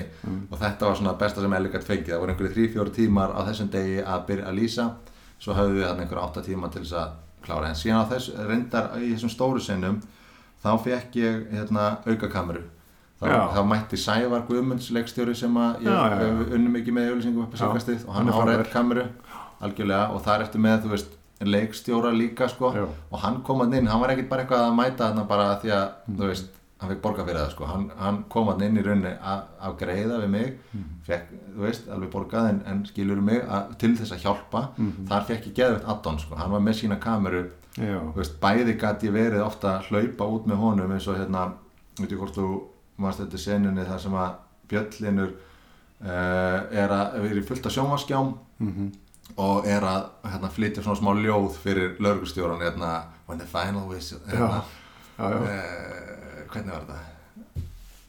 People will die, I guarantee. Þetta er eitthvað svona ljóð. Ég, ég hlýnur reynda sömdu það bara svona tímyndum áður en við tókum það upp sko, því að textin í handritinu var ekki nógu góður. Við byggum til þetta rím, eitthvað svona rímavísu sem að gera, þetta allt miklu skemmtilegra. En þetta var skotið í óbjöbíl já, um, með sveppa á steinu og síðan var hlýnur upp á vegg. Aha, og þetta var gert á meðan að við vorum að taka landsbanka hérna, shootoutið, Aha. það var tekið á Hotel Sögu. Já, og það var alveg mega production í gangi þar og þá var OP-bílinn Skotist græðar á staðinn. Já, og Sævar fór út og basically gerði þá senu ég var svona einstakar sinnum að hoppa út með honum. En að því að Sævar var, hann átti bara hann átti að koma með redd kamerun sína og vera á, á Mm. hérna uh, B-kamerunni inni í því hérna sett, því dæmi. Og það var eiginlega búið ákveða að Sveppi ætti bara sína Þorgerði hérna Bjöllin á á iPad fyrir aftan stúkuna því að búið út á production vesinni en ég svona mér langaði svo í marga skjái Já, sko, að þetta var einn rettingi bara heyrðu, með að taka landsbókan, getum við ekki fengið óbíbílinn þetta niður til, ég og Sævar hoppum út gerum sinna þar að meðan það er eitthvað að vera að preppa þarna þannig að þetta var allt í einhver svona rettingum og Sævar kom stundum að stóru dagana eins og í loka sjútátinu með aðra kameru en svo var hann alltaf að fara og sækja eitthvað annað. Við fyrum, fórum og hlupum Ja, eitthvað, geðveikt, pick up eitthvað þarna eða einhver closet þarna og það er bara, þú veist, það var alveg præslega sko. já, ég elska að vinna svona. Það var líka með eitthvað svona aðla sem maður, maður treyst út í, hann er líka leikstöri og maður veit þetta, hann mun kemur eitthvað ekstra við það sko. Sko, ég hann gætt farið bara út og náði fullt af litlum senum sem ég vissi að ég myndi ekki ná annars. Já, en þú veist, það var bara, hérna, sjá gengið vera svona, að, hérna, með eitthvað svona alltaf gerast og bíll að keira út úr gengin, eða út úr hérna vöru skemminni og þetta er bara svona svolítið mikilvægt í þegar er, ég er byggja upp klipp hérna í, í setni hlutanum og, og hérna, og þú veist, vera að loka og ég gæti klift þetta saman við, þú veist, þegar að vera að tala um Rikka uh, í löggustöðinu og eitthvað svona og stækka þá senalega ógeðslega mikið. Þetta var ekkert inn í, ég hef aldrei náð þessu með krúinu en þegar Sævar kom og ég vissi ég hefði hann að einhverja 2-3 daga þá gæti ég hengt inn svona dótið en ég gæti farið til Sævar Sævar, ennum við gerum þetta rísa greiða ertu til að fara þarna niður, það eru leikar þarna. Taktu þau bara Já. veist, nokkuð sjónarhótt, þú veist, hann er að hérna, veist, henda að inn í bíl svo kom bara, kom miklu fleiri en í baðum, kom bara heil sena reddi skilur við, það er æðislegt sko. hann er rosa hann, hann gerir second unit fyrir mig núna í stöðu Blomqvist sko já, sem var svona bílasíkven sko. Og það var rosa hérna út, út á landi og veistum vetur og flóki dót sko og við vorum alltaf bara þessu þetta er aldrei vera, vera mínum þetta bara gengur ekki upp sko. Og, og, og þetta ondlaði að það stóri bortað og allt það. Og en út af því að hann er að gera þetta Mhm. og, og hérna og fer og getur, getur vandað sér, hann er ekki með stórt krúi að béti sér, þú veist, er samtalið með okkur krúi að þá kom bara fullt af viðbútt Bara, hann er líka svo geggjaður út af því að hann er sko bæði tök, með tökumannsbakgrunn og svo er hann klippari og hann er alveg, þú veist, hann er ofta bakinn á mér eitthvað, ertu vissum að þurfu ekki þannig eitthvað, eitthvað svona Já, já. hann, veist, hann, er- ekki action guy já, já, algjörlega hann, það er bara Algjör, í sko. gamla dagur bara action hérna það. Já. það er nokkri svona nokkri vinklar í hérna í uh, bankaráninu í byrjun sem hann ábæð, það sem hann var bara það er enginn að byggja henni það.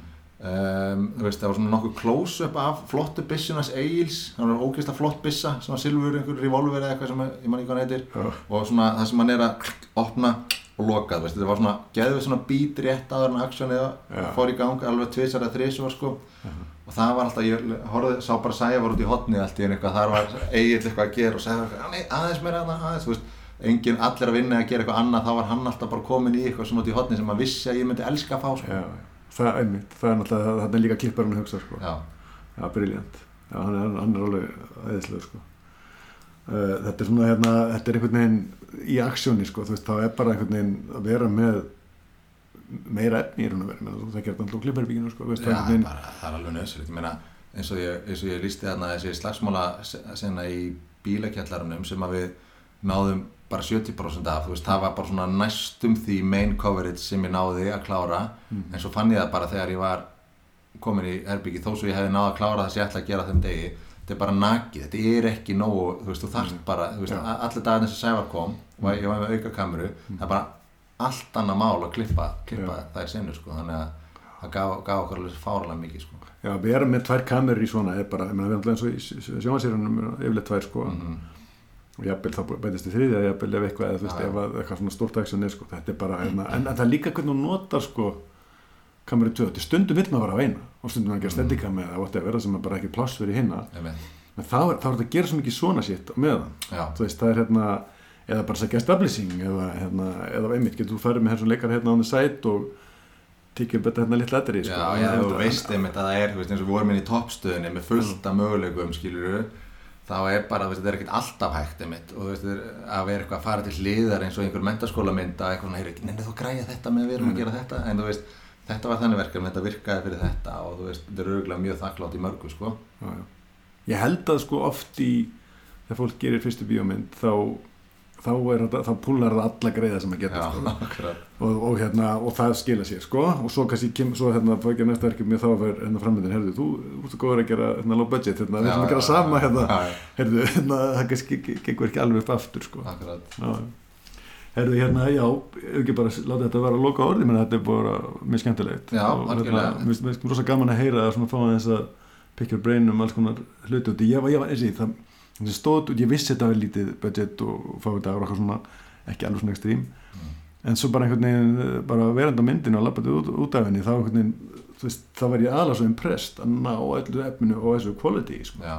Og Það það- þú átt náttúrulega helst ekki að upplifa það, sko, ekki mikið. Það koma moment kannski það sem að gera það, ég veit það ekki en, en þú átt samt að upplifa, það var challenge að þó hún var í low budget, þá áttir, þá áttir við vildum þetta ekki bara að hún myndir slæta hún átti, þú áttir að þér áttir að finnast þetta vera bara wow, þetta er eitthvað veist, stærra en ég van, vanur að sjá eða veist, allavega öðruvísi stórt Ég- heldur en maður vanur að sjá hérna sko. ég held að venjulega áhörandi sé þar sko. Þetta, þetta, þetta, er, þetta er ég bara eitthvað að hugsa veist, vitandi um þetta hérna, og við verandi svo stöðu Já, og hann, sko. hann, hann er gert aksjón og eitthvað Mhm. það sem hún ekki hérna, Nei, ja, þú veist, og þar kemur líka Kristján inn í minna, þú veist, bara þú veist, Kristján Sturla, dyrka hann sko eins og, eins og bara sem er miðju aksjón sem var að, vorum að tala um fyrir maður aftur í þú veist, þetta er þú ferði grunninn á þessu lítið en ég meina svo þegar þú kemur bara með þú veist einhverja Kristoffer Nolan hérna, hann sem er músík ofan að það þá færði það alveg svona úf, þú veist, það er svo mikið gott feik sko. En, en, en það er nú annað við höfum aðeins sagt þetta Já. hérna bara tökum kannski smáum það í lokin. Já, það er líka leikvöllin sem það ert í sem að leifir það sko. Já, já það er þú alveg veist, rétt. þú, þú getur ekki tekið sko simmer í hvaða mynd sem er. Það er alveg rétt og það var beauty við þessa mynd. Já, og það það var svo það, skemmtilegt við að gera hana er að þú gast leiftir allt og því meira sem, þú stærra sem þú fóst því meira var grínið en á sama tíma þú veist, áhugavert, visuáli og skemmtilegt og flott og svona þannig að þú veist, það var, það var bara anything goes og bara því stærra því betra sko Já. og það er náttúrulega mjög sjálfgeft að maður geti og ég meina svo Kristján gætt lift sér að fara einn stort og hann Já, já. við gáttum farið þú veist, alls konar bull í öllum slagsmála sinum og svona þú veist, og því flott, veist, meira djúsi eða stærra, þú veist, bara því Já. Betur, að, virkað á báðum levelum, sko. Þetta er náttúrulega, þetta bara þetta er líka fullkomun afsökun til þess að gera hasamynd á Íslandi, það er ekkert hægt að gera hana með öðrum formerkjum Nei. nema með, veist hún þarf að vera allt öðruvísi þetta, veist, það þarf að vera gránduð í, í það sem að virk það sem að make sense hérna heima nema þetta, þú farið að gera Stelu Blómkvist sem ég hefði reynda viljað taka heilan þátt og, og, og hérna já, já. og, og reykja úr gatnina með sko, því að það er náttúrulega svona það er ekki alveg hana Nei, en En það er samt svona einhver, það er samt svona einhver svona smá uh, hlýðarveruleiki af Íslandi sem að er bara mjög áhört að sjá og, og veist, mér veist ég sjá veist, ég, ég var til að spurja þið út í þann prósess af því að ég sé einhvern veginn þú veist, þú ert að gera mörguleiti svipað veist, en það er, ef ég allavega lesi þetta rétt meira budgetana, eða þú veist, þú, þú hefur tíma og það er svona, þú veist þetta er ógeðslega skemmtilegt og vel hefnað um, og svona en á mörguleiti svona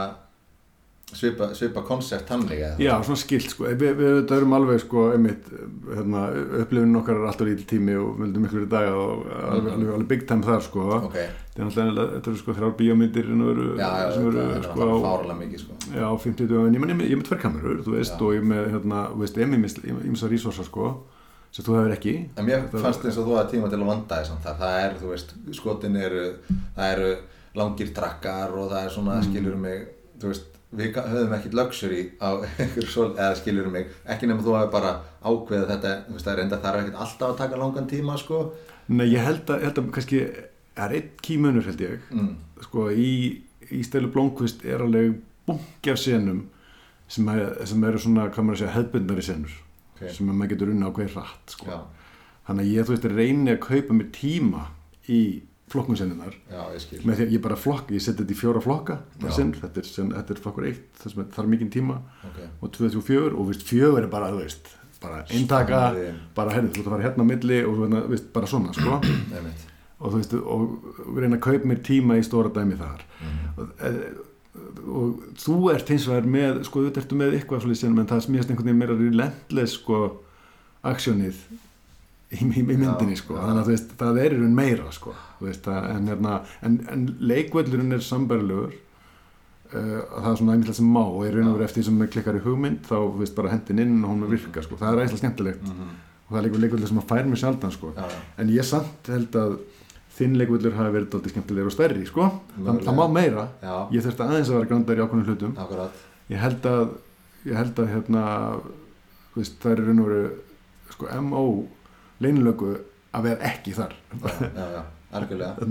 Við erum að reyna að búa til eitthvað sem að, og þú veist, því meira sem að við setjum inn sem að í þessum heimi er sjálfsæðar hlutur að sé til staðar eins og bara Chinatown eða eitthvað, eða bara jurisdiction, beef og eitthvað, því skemmtilegra sko, þú veist, því fleiri hluti sem er ekki í Reykjavík í alvörunni en eru í þessari action Reykjavík, þú veist, því skemmtilegra var þetta fannst mér sko. ég meina mjög tjæntan þetta er alveg briljant ég meina ég gerði tjæntan þarna í seríu 1 sko í já. og í einhverju svona vestan með sko, ég þetta, þetta miklu betur löst, getur kólaborstinu ég var rosa að presta því til dæmis sko. Já, og ég meina ég, og þú veist, þú ert að tala um hvað voru tveir í reikmyndeld og eitthvað, ég bara, ég, ég skil það bara ekki. Nei, ég næði ekki utanum þá vinnu, það var hérna Gus uh, já, það er alveg En það, það var til dæmis, það er mjög gott dæmi um að þú þurfur að vita hvað þarft og til, þú þurft að vera klippari til þess að svo sena geti gengið upp. Að því hún var, nú vorum við bara heldum að bladra og bladra, þetta er svo áhugavert ég að vera komin, löngu komin á næsta fund sko. En eins og Chinatown, veist, við, það var búið að setja þarna lampana yfir sem var mjög flott þannig að við vorum í gang, en síðan vorum við að gera þetta í COVID. Í miðri sko fjöldatakmarkunum við máttum maks vera 20 manns, en við vorum búin að ráða 60 statista en út af einhverju leikhúsi fáranleikast þá var húsinu skipt í tvent og það mátti bara vera 20 þar sem við að skjóta en 50 hinni minni það var veitingastæður og það mátti, þeir mátti ekki koma yfir línuna. Og það, tókum stoltið á út af þessu sko.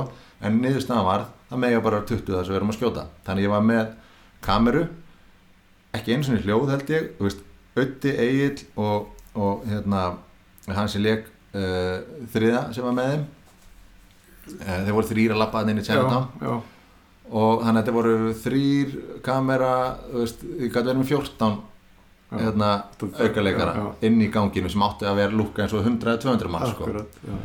og ég var alveg að bilast þannig og síðan og ég, ég var bara, að því að þú veist, þú þarft ekki nema kannski tvö sta establishing skot af þessu. Svo getur skotið restina þröngarlinsjur og svo ertu bara komin inn í samtalið og þá ertu búin að leysa þetta. Mhm, en ég gat ekki, ég náði ekki víða þú veist, flotta skotum sem ég vantaði. Mhm. þangað til að Sævar síndi mér ég var búinn að byggja hann um að vera að dróna yfir þetta, þessa Aha. luktir hana Aha. svo koma til mér bara, heyrðu, hvernig veist þetta þá síndi hann mér skota sem að við náðum að feika þetta með því að þetta lukti settið náði að fylla upp í 60% ramanum og maður fann ekki hvað þetta á tóm það var svona ein sekund af því sem virkaði.